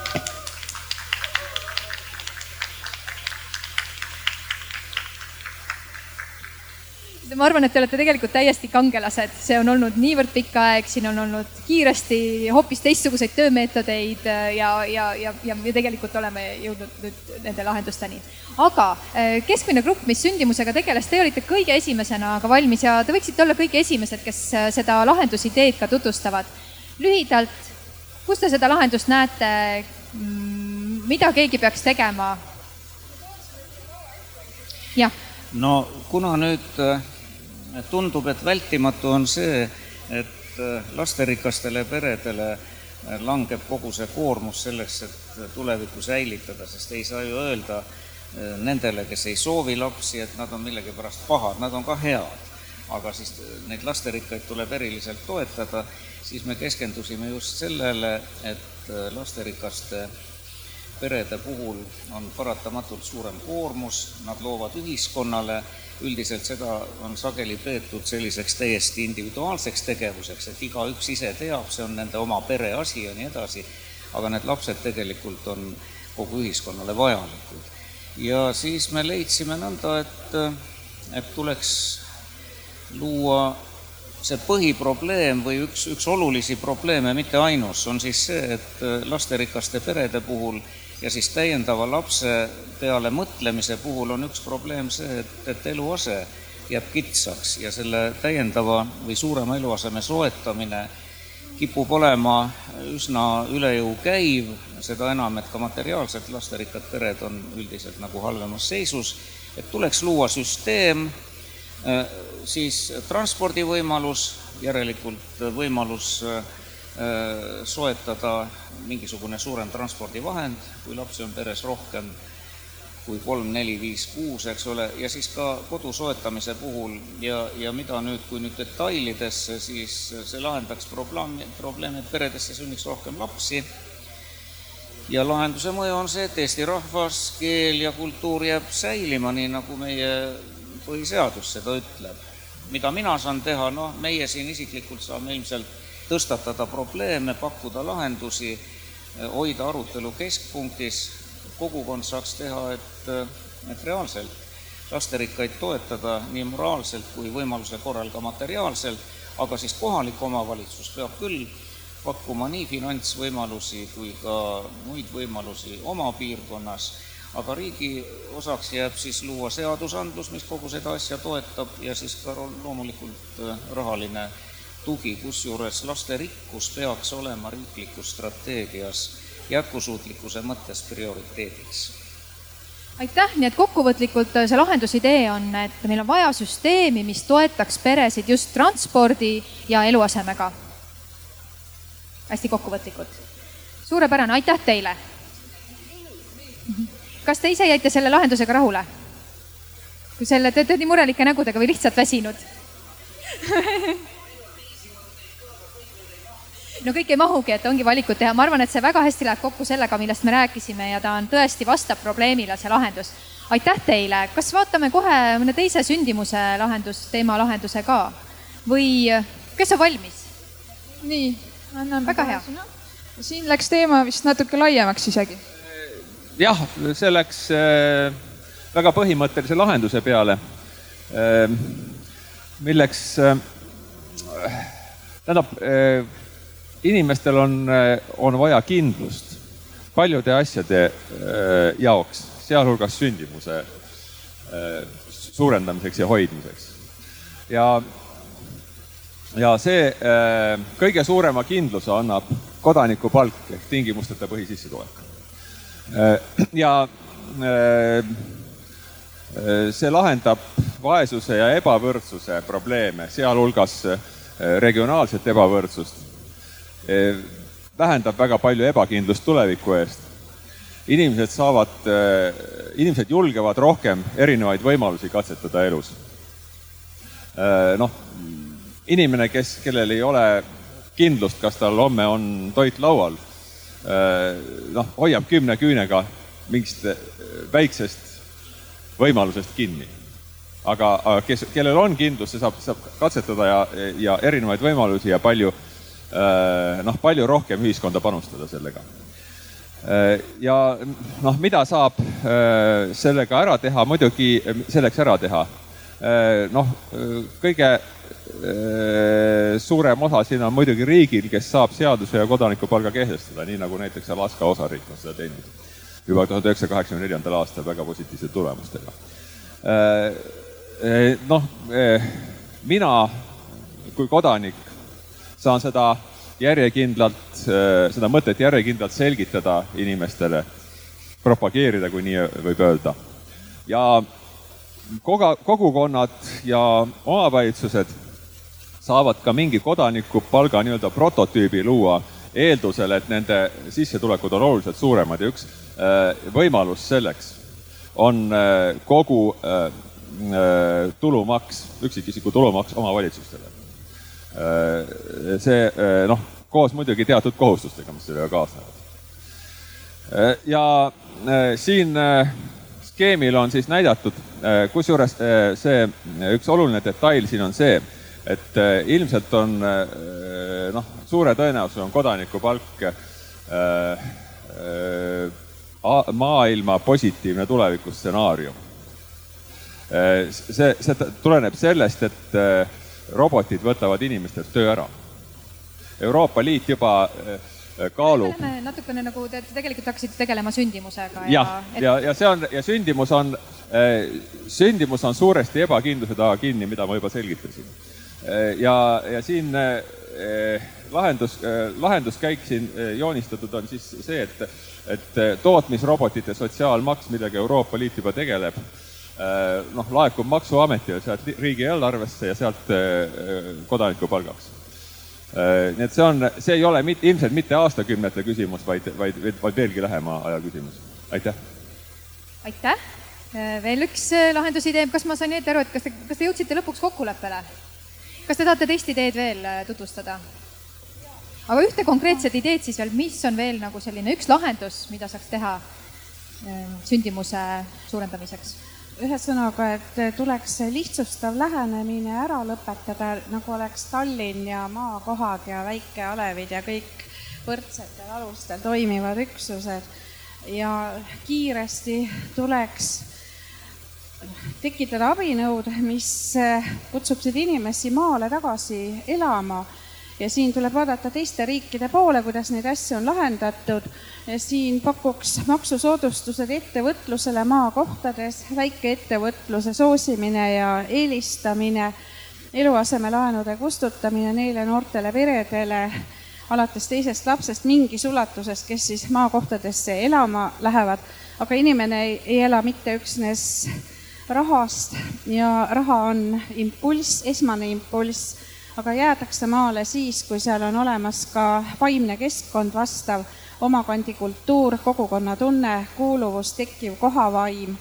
ühesõnaga nii, nagu see Eesti rahva minevikuski on olnud, kust siis ärkasid need vaimsed jõud, mis tekitasid Eesti riigi ja siin, kuigi ma ise olen Tallinn, Tallinnas väga kaua elanud, väidan, et Eesti identiteet on tema maaelu. nii et see kohavaim, mentaliteedid ja ka praegu olemasolevate edu, edulugude analüüs, sest siin ja seal on kogukond ja elujõulisi külasid ja kuidas nad on selliseks saanud. ja Eesti sündimuse tagatis on elujõulised kodud, kus vanemad saavad või vanemad saavad usaldada riiki, usaldada oma kodukonda ja julgevad ja soovivad lapsi sünnitada aitäh, minu, minu meelest kõlas siit nagu väga palju juba lahendusideid, et äh, suurepärane. Äh, järgmine rühm, kes äh,, meeskond tutvustaks oma töö tulemusi. nii, anname Egele. meil, meil läks kohe nagu mitmesse äh, suunda see areng, aga et üks jätkab seda, kust meie alustasime, et me mõtlesime siis, et et kõige tähtsam on minu meelest sõnastada probleem, teadvustada see, et meie rahvastik on meie ühiskonna andekuse ressurss ja, ja ühiskonna innovatsioonisüsteemi alus. ja kui me oleme selle sõnastanud, siis me suudame juba ka mõelda, et kuidas seda rahvastikku siis tervikuna arendada ja et millest algab siis inimeste võimestamine juurdepääsust heale mitmekülgsele haridusele läbi kogu elukaare, eh, sealhulgas kunstilised praktikad, loomingulised praktikad, eh, kõike seda, mida pakub huviharidus, informaalne haridus, meie traditsiooniline vabahariduse traditsioon, ehk siis inimeste võimestamine algab sellest, kui on elukestva õppe ümber ja täiendõppe äh, niisugune sajaga sajaga käivitamine, rakendamine. praegu on see pihustunud mitme institutsiooni vahele, küll tegeleb sellega üks instants, noored oleks justkui midagi eraldi, siis on Töötukassa ja nii edasi ja nii edasi. Et see, see on nagu selline praktiline, aga see, kuidas me probleeme sõnastame ja kuidas me näeme rahvastiku arengut, see on nagu samm number üks number kaks oleks siis selle elukestva õppe ja muidugi ka siis mm, hariduse ähm, täiustamine ähm, kaasaegsete õpilahendustega, et õppimine ei ole enam see üheksateistkümnenda sajandi äh, piitsa ja prääniku, vaid just nimelt, kui, kuidas teeks seda õpetaja. Laur, annab viiuli, seda ta tegigi. ja sealt tuli meie kõrgkultuur. nii, ja sellega me pääsesime eestkostest, sellepärast et loominguline kultuurne inimene ei vaja eestkostet seni, kui inimesel ei olnud juurdepääsu praktik-, kunstilistele praktikatele, ei olnud eestlane balti, saksa või ka vene eh, kultuurrahvaga võrdne. nii, see, seega, see on selline ajalooline seik. siis kolmas samm on see, et kuidas seda institutsionaliseeritult ellu viia, ehk siis kuidas me pääseme nendest silotornidest, kuidas seda rahvastiku arengut võimalikult niimoodi arendada, et kuidas see kokkulepitud tegevussuunad ühistegevuses äh, siis käiku saaks ja siit edasi ma juba äh, Aimar Altosaar visandas koostöökogu või rahvakogu, et kuidas, et, et kas meie parteid või erakonnasüsteem on üldse jätkusuutlik, kas esindusdemokraatia või osalusdemokraatia või mismoodi seda ühissuunda edasi viia, et ka seda tuleb nagu vaagida. Äh, ja kui, missugune on nende lahenduste mõju, ütleks veel, et inimeste võimalused ja elukeskkonna kvaliteet paraneb ja ainult siis ta jõuabki Põhjamaade tasemele. kui kõik oma andeid rakendada suudavad ja need on väärtustatud. nii, ja nüüd ma annan Aimarile sõna. aitäh. probleem on selles, et neid äh, häid ideid, mida me siis välja mõtleme, on väga raske kuhugi äh, teostamiseni viia riigiametid, noh, kellel on kogemusi, võtavad signaale kahtepidi vastu, kas äh, hangete ja mingisuguste meetmete kaudu seal kuidagi saad võib-olla natuke ree peale või siis juba äh, ülevalt poliitilise võimu survega. aga vahepealsel astmel, et noh, saaks natukenegi mingist teemast arutada ja rääkida, pakkuda lahendusi, see on täiesti võimatu. ja seetõttu selleks, et neid ideid, kuidas tööhõivet parandada, kuidas elujõudu suurendada ja kõik need rände ja sündivuse probleemid sinna juurde, tuleks kusagilt alustada ja minu arvates üks väga integreeritud näite ongi see tööhõive määr. et eh, tegelikult töö, nii-öelda tööealiste elanikkonna, töölise elanikkonna noh, kogu hulk nagu väheneb, aga tegelikult on võimalik töö, tööga hõivatute hulka ju tõsta. Ja see, seal oleme veel nagu poolel teel aga just, et kuna institutsionaalselt ka erakonnad ei tööta heade ideede väljatoojana või õieti neid ideid ei jõua kuhugi, siis oleks vaja mingit integreeritud suurt kampaaniat ja instrument on Eestil olemas, see on ju rahvakogu. ükskord juba tehti, teeme ükskord veel. ja et seda rahvakogu ette valmistada, siis võiks olla mingisugune struktuurne üksus, olgu ta siis Riigikantselei või mingi teine või kolmas, ja kes korjaks siis kokku nii vabakondlikud kui katusorganisatsioonide kogukondlikud ideed, teaduse, ametkondade, poliitikute, rahvusvaheliste võrgustike kui ka teiste huviliste ideed, et pakuks välja rahvakogule siis juba otsustamiseks. eesmärgiks on ikkagi see, et mida on vaja muuta, et tööhõive oleks aastaks kaks tuhat kolmkümmend viis, tööga oleks hõivatud, oleks näiteks kakskümmend tuhat rohkem kui praegu et, et selle numbri taha, taga tuleks näha, et ta on integreeritud näitaja. selleks, et sinna jõuda, peab väga palju asju muutuma, aga seda nüüd need sisendajad, sisendi andjad võivadki juba koos arutada. tulemuseks ongi paremini sidustatud ühiskond, hõivatud inimesed on õnnelikumad, kogu see asi omakorda mõjutab kogukondi, kogukonnad perekondi ja mida nad õnnelikud inimesed seal ikka teevad, teadagi, ja esile, võtavad koera näiteks. ja, ja, ja lahenduse mõju ongi see, et ühiskond on jätkusuutlik aastani kaks tuhat ükssada. ma tahaksin kõigepealt ära öelda seda, me alguses ei hakanud eh, tuju, tuju nüüd mitte rikkuma, see pole õige sõna, minu tuju on alati rikutud, kui öeldakse, et kaheksasada tuhat, see on mingisugune tohutu õnnetus või vananev ühiskond on issand jumal, mingi katastroof. vastupidi, kui on kaheksasada tuhat õnnelikku inimest, mis on, miks see must stsenaarium on? Ja miks te arvate, et vananemine on mingi õnnetus, et tegelikult on see suur õnn ja rõõm, iga elatud aasta on ju suur edamine. alternatiiv on noorelt surra, eks ole. et äh, naudime elu, naudime elu, kuida-, kuniks seda on ja vaatame reaalsetele asjadele reaalselt vastu, ärme võitle tuuleveskitega ja kõige tähtsam ongi ikkagi teha vahet asjadel, mida sa saad muuta, mida sa ei, ei saa muuta. mina räägin asjadest, mida me saame muuta ja ma tahan ka kindlasti liituda Mihkliga, kes alguses ilusti ütles, et täpsustame ära, milles on probleem. probleem on et elukvaliteedis, et me saaksime õnnelikult elada. kõik muud asjad tulevad pärast seda, aitäh. aitäh. jällegi väga mitmeid äh, ideid äh,, aga kuulame veel äh,, mis mõtteid tuli gruppidest äh, seal. anname siia sõna rändelauale ja siit tuli oh, väga hea, võtamegi siitsamast selle tööhõive inimvara teema.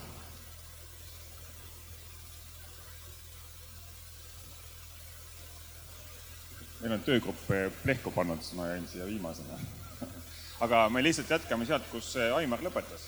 Ja, ja meil oli täpselt sama asi, oli see tööhõive küsimus. Et ja alustasime sellest, et kui meil tööhõive oleks neli protsenti kõrgemal tasemel, umbes seal natuke parem kui täna Rootsis, siis me tegelikult saaksime selle rahvaga ennast ära majandatud ja mingid majanduslanguse stsenaariumid ei jääks, jääks kehtima. ja me saaksime hästi elada ja rahulikult elada, ei peaks kedagi vihkama või kartma ega mitte midagi. aga sealt me liikusime edasi, konkretiseerisime, läksime kitsamaks ja jäime lõpuks ühe konkreetselt tehtava asja juurde ja selleks on siis personaalne õpikonto. Kas see õpikonto toob sulle viie aasta jooksul äh, viissada või kaks tuhat viissada eurot, see on juba tuleviku küsimus, seda arutame edasi. aga, aga kui see õpikonto on olemas, siis me loodame sellega adresseerida struktuurset tööhõivet, seda, et meil vanemaealisi ei võeta tööle. Äh, meil on äh, hetkel nelikümmend tuhat inimest, kes tahaksid või isegi seitsekümmend tuhat inimest, kes tahaksid veel tööd teha ja meil on kaksteist tuhat vaba töökohta. Et tegelikult miks on need kaksteist tuhat eh, vabad, me võiksime täita ja me võiksime neid töökohti tegelikult ka juurde luua, nii et veel rohkem inimesi saaks sõidu osaleda. ma korra täpsustan, mis see, mis see tähendab, personaalne õpikonto? see personaalne õpikonto on siis see, et tegelikult igal eh, töötaval inimesel, on ta siis juhatuse liige või kes iganes, eks ju, talle koguneb eh, või talle siis kas Töötukassast või laekub see nii-öelda teade, et sul on kasutada õppimiseks selline summa ja see tuleb, uueneb iga viie aasta tagant. et selleks, et see kätte saada, peab inimene minema arvutisse või äh, Töötukassa kontorisse ja ta alustab seal kõigepealt sellest, et äh, vaadatakse tema andmeid, kus ta on töötanud, millised on tema sissetulekud, mida ta on õppinud ja antakse juba sealt big data alusel talle vihjeid, kuhu ta võiks edasi liikuda. sinna lisandub ka personaalne vestlus tema huvidest ja muudest asjadest ja sealt avaneb siis, eks ju, see, et kuhu tema karjäär võiks tulevikus nagu liikuda ja sellele saab siis omakorda panna kohe hariduse infosüsteemist need vasted, millised tasuta õppekohad on juba saadaval ja milliseid kursusi pakutakse ja näidatakse ära, et näed, selle summa eest sa saad nüüd hakata siit võtma endale neid kursusi ja palun mine õpi. Ehm, ja siis, kui ta selle nüüd kanali läbi käib, siis tõenäoliselt on ta õnnelikum, valgustatum, võib-olla alustab ise äri, kohandab oma töökoha ise ja teeb teistele neid pakkumisi, meil ka see probleem, et inimesed on haritud, aga neid töökohti ei ole olemas, kus inimesed saaksid töötada. et ka see võib olla sealt lahendatud, kuna talle näidatakse ära, et kui sa natuke õppisid marketingi, finantseerimist, seda, paned tükkidest kokku, sa oled suuteline tegelikult oma äri alustama. ja mis meie siis nagu lahenduse mõju on, on see, et õppimine muutub normiks, õppimine teadupärast teeb inimesed õnnelikumaks, me saame õnnelikuma Eestis kes mida teha saab, igaüks isiklikult saab näidata huvi õppimise vastu, muuhulgas ka helistades eh, Töötukassasse, küsida, kas ma saan õppida, palun, ma tahan õppida. Eh, teine on siis see, mida saab teha kogukond, toetada õppijaid, vaadata, mis on need takistused, kas me saame aidata, et inimesed õpiksid ja siis loomulikult utsitada neid, kes ei, kes veel ei õpi. siis on kohalikud omavalitsused saavad tugisüsteeme luua, jälgida, et näiteks lasteaiad on avatud, kui, kui pereisa õpib, pereema õpib. mida saab riik ära teha, et ta loob ja reklaamib seda ja näitab ka siis tipptasemel ette, kuidas on siis osaleda pidevalt selles nii-öelda elukestvusõppes. kui ma saan vanaks, siis ma tõepoolest, see need sepp läheb ainult nagu, nagu Aimar armastab öelda, et see ei ole elukaar, vaid taevasepp suur aitäh, mulle tundub, et see on väga konkreetne poliitika ettepanek, kas pole? küsida või täiendada, siin on kaks ohtu. esiteks, kui see on seotud väga institutsionaalselt tööandjate huvide ja kõige sellega, siis on sellel selline oht, et inimene näiteks, te vaatate senist CV-d, ta on õppinud näiteks juristiks, aga kui ta natuke õpiks veel äh, marketingi ja nii edasi, siis ta saaks juba oma ettevõtte mis tahes, aga võib-olla inimene tahab kannapööret. Näiteks seda ei usuta, et võib-olla ta tahab äh, minna aiandust või hoopiski temas on näiteks kriminaal, äh, noh, kriminaaluurijaks, näiteks mina, mina tunnen aeg-ajalt kihku minna kriminaaluurijaks, sest mulle tundub, tundub, et ma, ma tean täpselt, kuidas seda tööd teha. Et aga kui keegi vaatab minu CV-d, siis ta mulle iial seda võimalust ei paku see on meil tõsi, et me ei taha ära piirata, et see pakkumised, mis tehakse, see jääb ikka inimese vabaks valikuks ja tegelikult ta peab saama võtta ka väljaspoolt seda pakkumist. tal on endal võib-olla mingi, aga, aga kui võimalik, siis tegelikult jah, et see karjäärinõustaja peaks sellest inimesest lähtuma, tema unistusi ka kuulama ja siis võib-olla leidma selle nii-öelda talle just selle kõige kutsuvama tee. ja teine aspekt, mis ma tahtsin öelda selle õppimise konto juurde, et õppimise kontseptsioon, õppimine peab olema mõnus, ta peab olema rikastav, see õpime, me õpime ka siis, kui me mängime tennist, laulame laulukooris. Kui, mil määral me siis õpime, et ta peab olema selline mitte sundusega seotud. Taustale rääkisime ka sellest, et tegelikult see, mis on läinud äh, Ameerikas hästi käima, kus Alison ja Google ja paljud teised pakuvad tasuta kursusi online'is, et äh, me peame massiivselt tegelikult pakkuma ka eesti, eestikeelset tarkust äh, online'is, ehk siis siit tuleb sulle valikusse mitte ainult neid kohti, kus sa pead ennast kaheks aastaks nagu panema lukku, vaid sa võid ka selleks päevaks võtta ühe selle loengu ja õppida näiteks taburetti tegema, mis iganes aitäh ja ma arvan, et, et küllap see idee on ju praegu midagi sellist, mida saabki edasi arendada ja, ja kõikidele küsimustele saabki vastuseid leida. Suurepärane, kellad lõid, aga meil on veel kaks lahendust, mida tutvustada. kuulame ka need ära. kellad lõid, kuulsin, et kell sai neli. anname rändele loo viis. tere jälle meil oli see algne probleem, millest me alustasime, oli see, et kuidas saada ühiskondlikke hoiakuid rände suhtes positiivsemaks. ja siis sealt edasi, ma mäletagi, mitme töörühmaga või, või töö vaheetapiga me jõudsime sellise eesmärgini, et kuidas saaksime teha nii, et kõik saaksid aru, et üheskoos on võimalik teha suuri ja ägedaid asju, selle asemel, et hirmutada teisi eemale. nii ja siis läks tükk aega aega selleks, et me nagu saaksime aru, kuidas siit edasi liikuda. nii et me lõpuks pakkusime välja ühe üsna konkreetse ja võib-olla isegi labaselt lihtsa lahenduse. aga selleks, et inimesed saaksid aru, et koos on tore asju teha, võiks neid inimesi panna koos asju tegema. ja mõtlesime, et võiks teha mingisuguseid ühisüritusi, näiteks uussisserändajate ja kohalikega. ja üks pakkumine oli, et teha nii-öelda ühishäkaton kus on meil kohal näiteks mingisuguse kohaliku kogukonna inimesed ja siis mis iganes tüüpi uussisserändajad on nad, ütleme siis ettevõtlusega tegelevad uussisserändajad, ülikoolides tudengid, mingisugune muu seltskond. ja noh, kuna siin osa eesmärke on olnud näidata seda, kuidas rändajad on hästi kasulikud Eestile, et siis me võiksimegi hästi kasulikke rändajaid sinna häkatonile kaasata, ütleme seal tippspetsialiste või, või kes iganes mis selle tulem võiks olla, on see, et esiteks inimesed saavad sotsiaalse kontakti. tänu sellele võiksid väheneda siis eelarvamused selle teise rühma suhtes, selle suhtes, miks nad siin on ja mis inimesed nad siin on ja mida nad ikka tahavad ja ega nad mind ära ei vägista. ja, ja teiseks võiks ühelt häkatonilt nagu alati sündida ka mingisugune idee, mis võiks edasi lahenduseks saada ja sellest võiks tulla ju ka mingisugune, ma ei tea, ühine ettevõtlusprojekt, sotsiaalne algatus, midagi muu, mida siis saaks üheskoos ka edasi teha et seda tüüpi lahenduse puhul tekiks nii see positiivne kogemus ähm,, kontaktid äh,, võib-olla ka uued üritused, kui see positiivne kogemus all on ja siis lõpuks sidusam ühiskond ja, ja, ja edukam riik. et sellega saaks siis äh, lahendada nii seda sallimatusega seonduvat probleemi, kontaktide vähesust äh,, puuduvat arusaama sellest, et uussisserändajaid on Eestisse vaja, et noh, mis funktsiooni nad siin võiks täita. ja siis see, et mida keegi teha võiks, et siin sai pakutud välja ka erinevaid asju, alates sellest, et võõrkeeli tuleb õppida, sest ühisürituste puhul on alati keelebarjääri teema, aga see on üsna sihuke pikaajaline protsess. see on see, mida igaüks saab teha? jah, just, täpselt, see on see, mida igaüks saab teha, aga mis võtab natukene aega, enne kui, kui me siin kutsed laiali saadame. Tõenäoliselt keegi keelt endale selgeks ei saa. Aga, aga idee poolest siis jah, põhiline, mida inimesed saavad teha, on kohale tulla. Äh, tõenäoliselt on meil vaja ka mingisugust finantstuge selleks, et sellist üritust organiseerida, miks mitte ka mingit sümboolset esindusfiguuri siis äh, avaliku võimu institutsioonide poolt.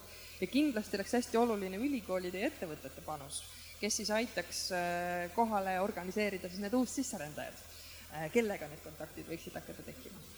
no vot, nii et see on see väike samm inimese jaoks ja võib-olla siis suur samm inimkonna jaoks, kui kõik läheb nii, nagu meie helesinised unistused ette näevad no suur aitäh, tegelikult nendest väikestest sammudest me lõpuks ju jõuamegi tulemusteni ja täna me tegelikult tahtsimegi ju lahendusi just, mis äh, aitaksidki samm-sammu kaupa edasi liikuda. aitäh teile, kas äh, meil on praegu kõik või on veel kuskil mõni lahenduspaber, mis vajaks tutvustamist? praegu vist paistab, et kõik on saanud öelda no suur töö on tehtud, äh, meie aeg on täis küll, aga ma ikkagi annaksin nüüd teile, kenale neljale naisterahvale sõna korraks. Üks mõte, mis on nende lahendusideedega ja, ja, ja kas te tahaksite midagi küsida täna õhtuselt peaministrikandidaatide debatilt? ja, ja kui, siis mis see küsimus oleks? kes tahab? võib-olla ma äh, siis alustan, et üks asi, mis mulle väga meeldibki siin, et eriti äh, mida praegu see arutelu edasi läks, et otsitigi konkreetseid lahendusi. et me, et me ei aruta nendel äh, sellistel kas- ja väärtusteemadel, vaid üha rohkem, et mis võiks olla see, mida me saame tegelikult siis teha. aga minu arust väga õige on ka kõikide nende teemadega Äh, õigesti tõstatati, see on, tundub olevat, see ühine joon on see, et lihtsalt ühine heaolu. et kõikides olukordades, kuidas me, kuidas me kestame, see võtmeküsimus on see, et kuidas me siis tagame, et heaolu oleks siin saja aasta pärast ja miks mitte ka praegu, aga kui rääkida ähm, mida küsida peaministrikandidaatidelt, et siin ähm, noh, minu küsimus oleks kindlasti nagu rohkem rändevaldkonnaga seotud ja see ongi aga see ongi just see, et äh, kui täna äh, siin liikusime sellest kas-küsimusest kuidas-küsimuse juurde, et minu äh, küsimus olekski, mis on vajalik selleks, et tekiks poliitiline tahe adresseerida rändeküsimust viisil, mis ei piirduks sisutühjade lööklausetega. Et poliitikud ka ise räägiksid teemal kuidas ja mitte äh, lihtsustatud viisil.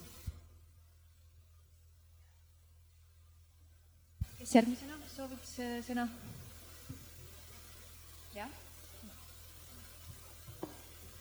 nii, et äh, väga tore oli, siin oli huvitavaid uusi ideid ja ka vanu, millest näiteks siin kodanikupalk, et et äh, aga, aga väga paljud ettepanekud siin olid tõepoolest valdkonnas, et teeme kõik Eesti inimesed õnnelikuks ja see pani mind mõtlema, et huvitav, kas näiteks Soome inimesed või Saksa inimesed ei ole õnnelikud, et miks neil nii vähe lapsi sünnib et äh, et selline üleüldine heaolu ja õnnelikkus ilmselt ei ole siiski nagu üks-ühele seotud sellega, kas rahvastik on kestlik või mitte.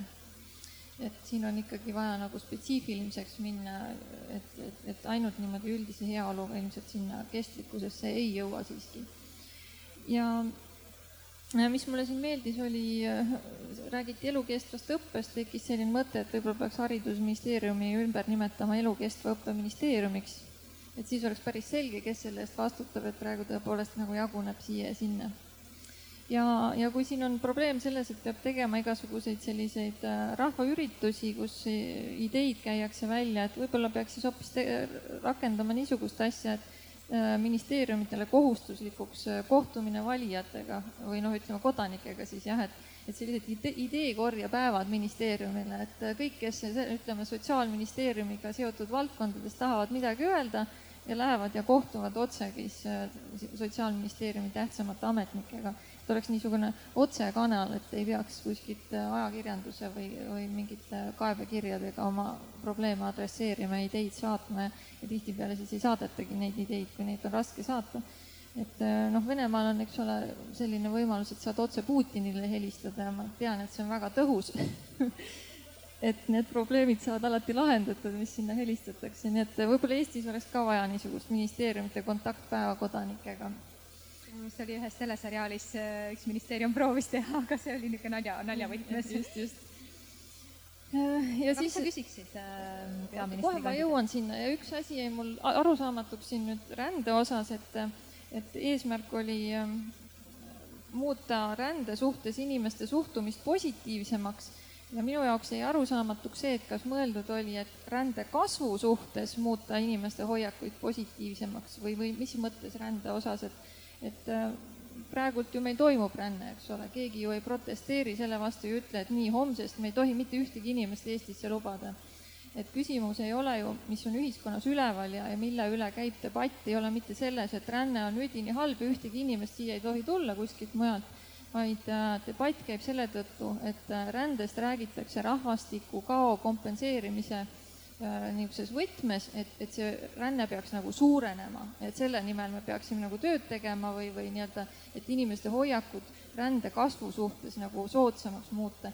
et, et kui see on nagu see küsimus või, või mis mõttes see teie, teie probleem oli nagu sõnastatud, et rände suhtes positiivsemaks hoiakuid muuta.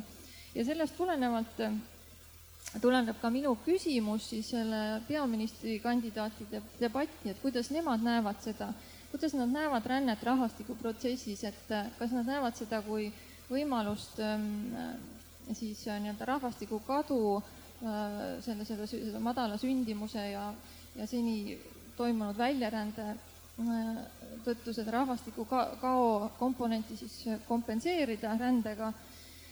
Et kas nad näevad seda sellise rahvastiku äh, kestlikkuse tagamise instrumendina või nad näevad seda ikkagi pigem sellise lühiajalise, väga piiratud ja, ja eelkõige majandus, majanduse vajadustest lähtuva instrumendina, mida võib-olla ei tasukski üldse siis nii-öelda rahvastiku kontekstis või rahvastiku kestlikkuse kontekstis niisuguse abivahendina mitte käsitleda, vaid, vaid pigem peaks seda vaatama seda, et et need, need äh, majanduslikud huvid rändel suhtes ei satuks vastuollu siis rahvastiku arengu eesmärkidega, et meil on ikkagi tegu rahvusriigiga põhiseaduse järgi ja meie võimalused äh, rände abil sellest lähtuvalt siis äh, oma noh, rändega rahvastiku kadu kompenseerida on üsna piiratud, kui me lähtume põhiseadusest et vot selline küsimus oleks neile, et kumbana nad näevad, kas pigem majandusinstrumendina või, või rahvastikukao kompenseerimise instrumendina äh,? aitäh äh,. Alice, sa tahaksid äh, lühidalt, mis tunded jäid ja? ja mulle enamus nagu mainiti ka ära siin, et see tõstet-, õnnelikud inimesed ja tõstetud elukvaliteet ja, ja õpikonto, kõik on väga, väga põnevad ja ootan põnevusega kõikide nende täitumist, et äh, mis nagu niisuguse rahvastiku püsimajäämise seisukohalt, et võib-olla, võib-olla huvitaks nende peaministrikandidaatidel, et et äh, kuidas nemad näevad seda, seda sündimuse, riigi osalises sündimuses, et kas, kas see on nagu rohkem selline nii-öelda laste ostmine või on see inimeste, kes soovivad lapsi saada, nende selle soovi toetamine, kumb on, kumb on see suund? aitäh ja Liisa, sinu äh, viimased mõtted? mina teen lühidalt ähm,, luban mis mulle isiklikult väga meeldis, on see, et kui meil väga kaua on äh, Eestis jäänud see, et edukas inimene, edukas blablabla bla, bla, siis täna tuleb see selgelt välja, et edukus ei ole mingi muu asi, et me räägime hästi palju hoopis õnnelikkusest. kas ma olen õnnelik, kas mulle meeldib see ja minu arust see on nagu selline kvaliteedi vahe. ja, ja see teeb mind õnnelikumaks. lihtsam lapsi kasvatada uh,. mis mulle väga meeldis tööhõive seisukoha pealt, oli kolm erilist lähenemist oli selline väga lai äh,, lai lähenemine selle koha pealt, et ähm, mis äh, siit töötoast või siit tuli välja, et koostöökogu, et mis on üldse see probleemide kogum, mis meil võib olla ja kuhu me paneme oma energia.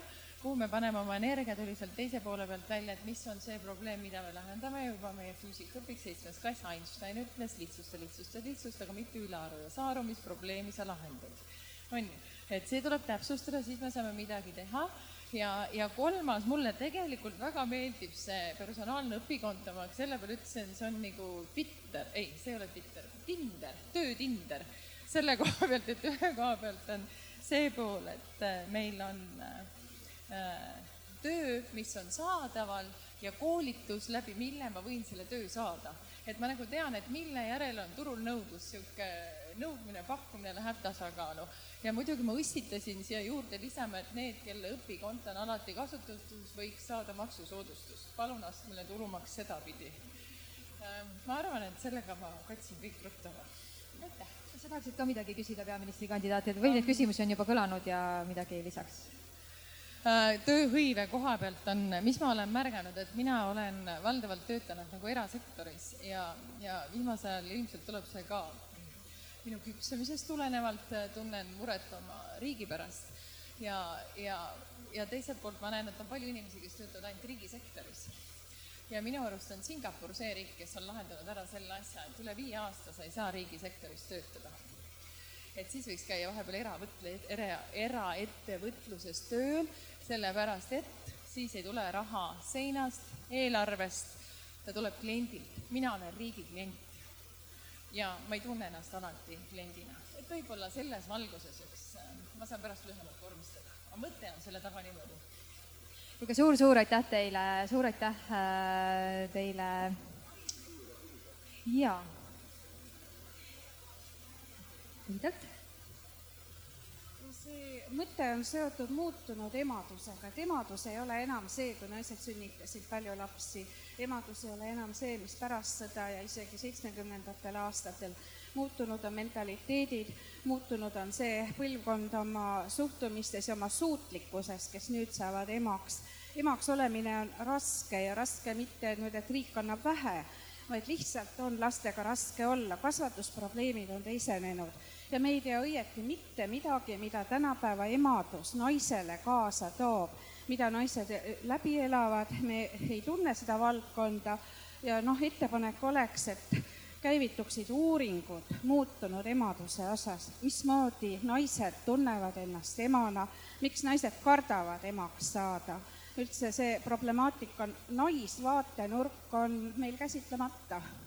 inimkond jaganeb, jaguneb meesteks ja naisteks ja praegu ajame kesksooliselt seda asja, aga just see naisvaatenurk on liiga vähe leidnud tähelepanu, aitäh. suur aitäh teile ja, ja, ja tegelikult äh, siin platsi peale võib jääda ja nendel teemadel edasi rääkida. olge head, vaadake kindlasti ka seda suurepärast äh, pilti äh,, mille Siiri on joonistanud ja ma arvan, et, et see on kõige parem kokkuvõte tegelikult sellest äh, neljatunnisest ja isegi pikemast arutelust, mille mille me kõik oleme siin äh, ära pidanud. Äh, mis edasi saab, on see, et, et äh, kõik need tulemused ja, ja, ja need saagid ja need järeldused, me, me jagame neid teiega, me ja me jagame neid tegelikult hiljem veelgi, sest et meie plaan on minna nende sama, sellise samasuguse meetodiga, nende samasuguste küsimustega üle Eesti kogukondadesse ja lasta kogukondades arutada, et, et kuidas nemad tunnetavad seda rahvastiku muutumist, kuidas see neid mõjutab. Ja samamoodi mõelda selle peale, et, et mis on see, mida igaüks meist saab teha siis nende trendidega toimetulemiseks Äh, ja mis on see, mida me ootame, et kohalikud omavalitsused ja riik teeksid selleks, et, äh, et me saaksime niimoodi heas heaolus õnnelikuna kestma jääda. Ja võib-olla see ei olegi mustades värvides, see võib olla täiesti, täiesti säravates, rõõmsates värvides, sest et äh, me tegelikult räägimegi sellest, et kuidas me kestame kestmisest. aitäh teile, jääge siia, kes te veel seda soovite ma arvan, et te tõesti olete täna kangelased ja, ja, ja kutsun teid kuulama, kuidas siis tõesti peaministrikandidaadid sedasama teemat käsitlevad. Ehm, aitäh meie ekspertidele. Teile me anname kohe üle ka sellised kadakad, mis näitavad siis seda eestlase kindlust ja sitkust ja, ja ongi vist kõik. suur aitäh, veel üks aplaus kõigile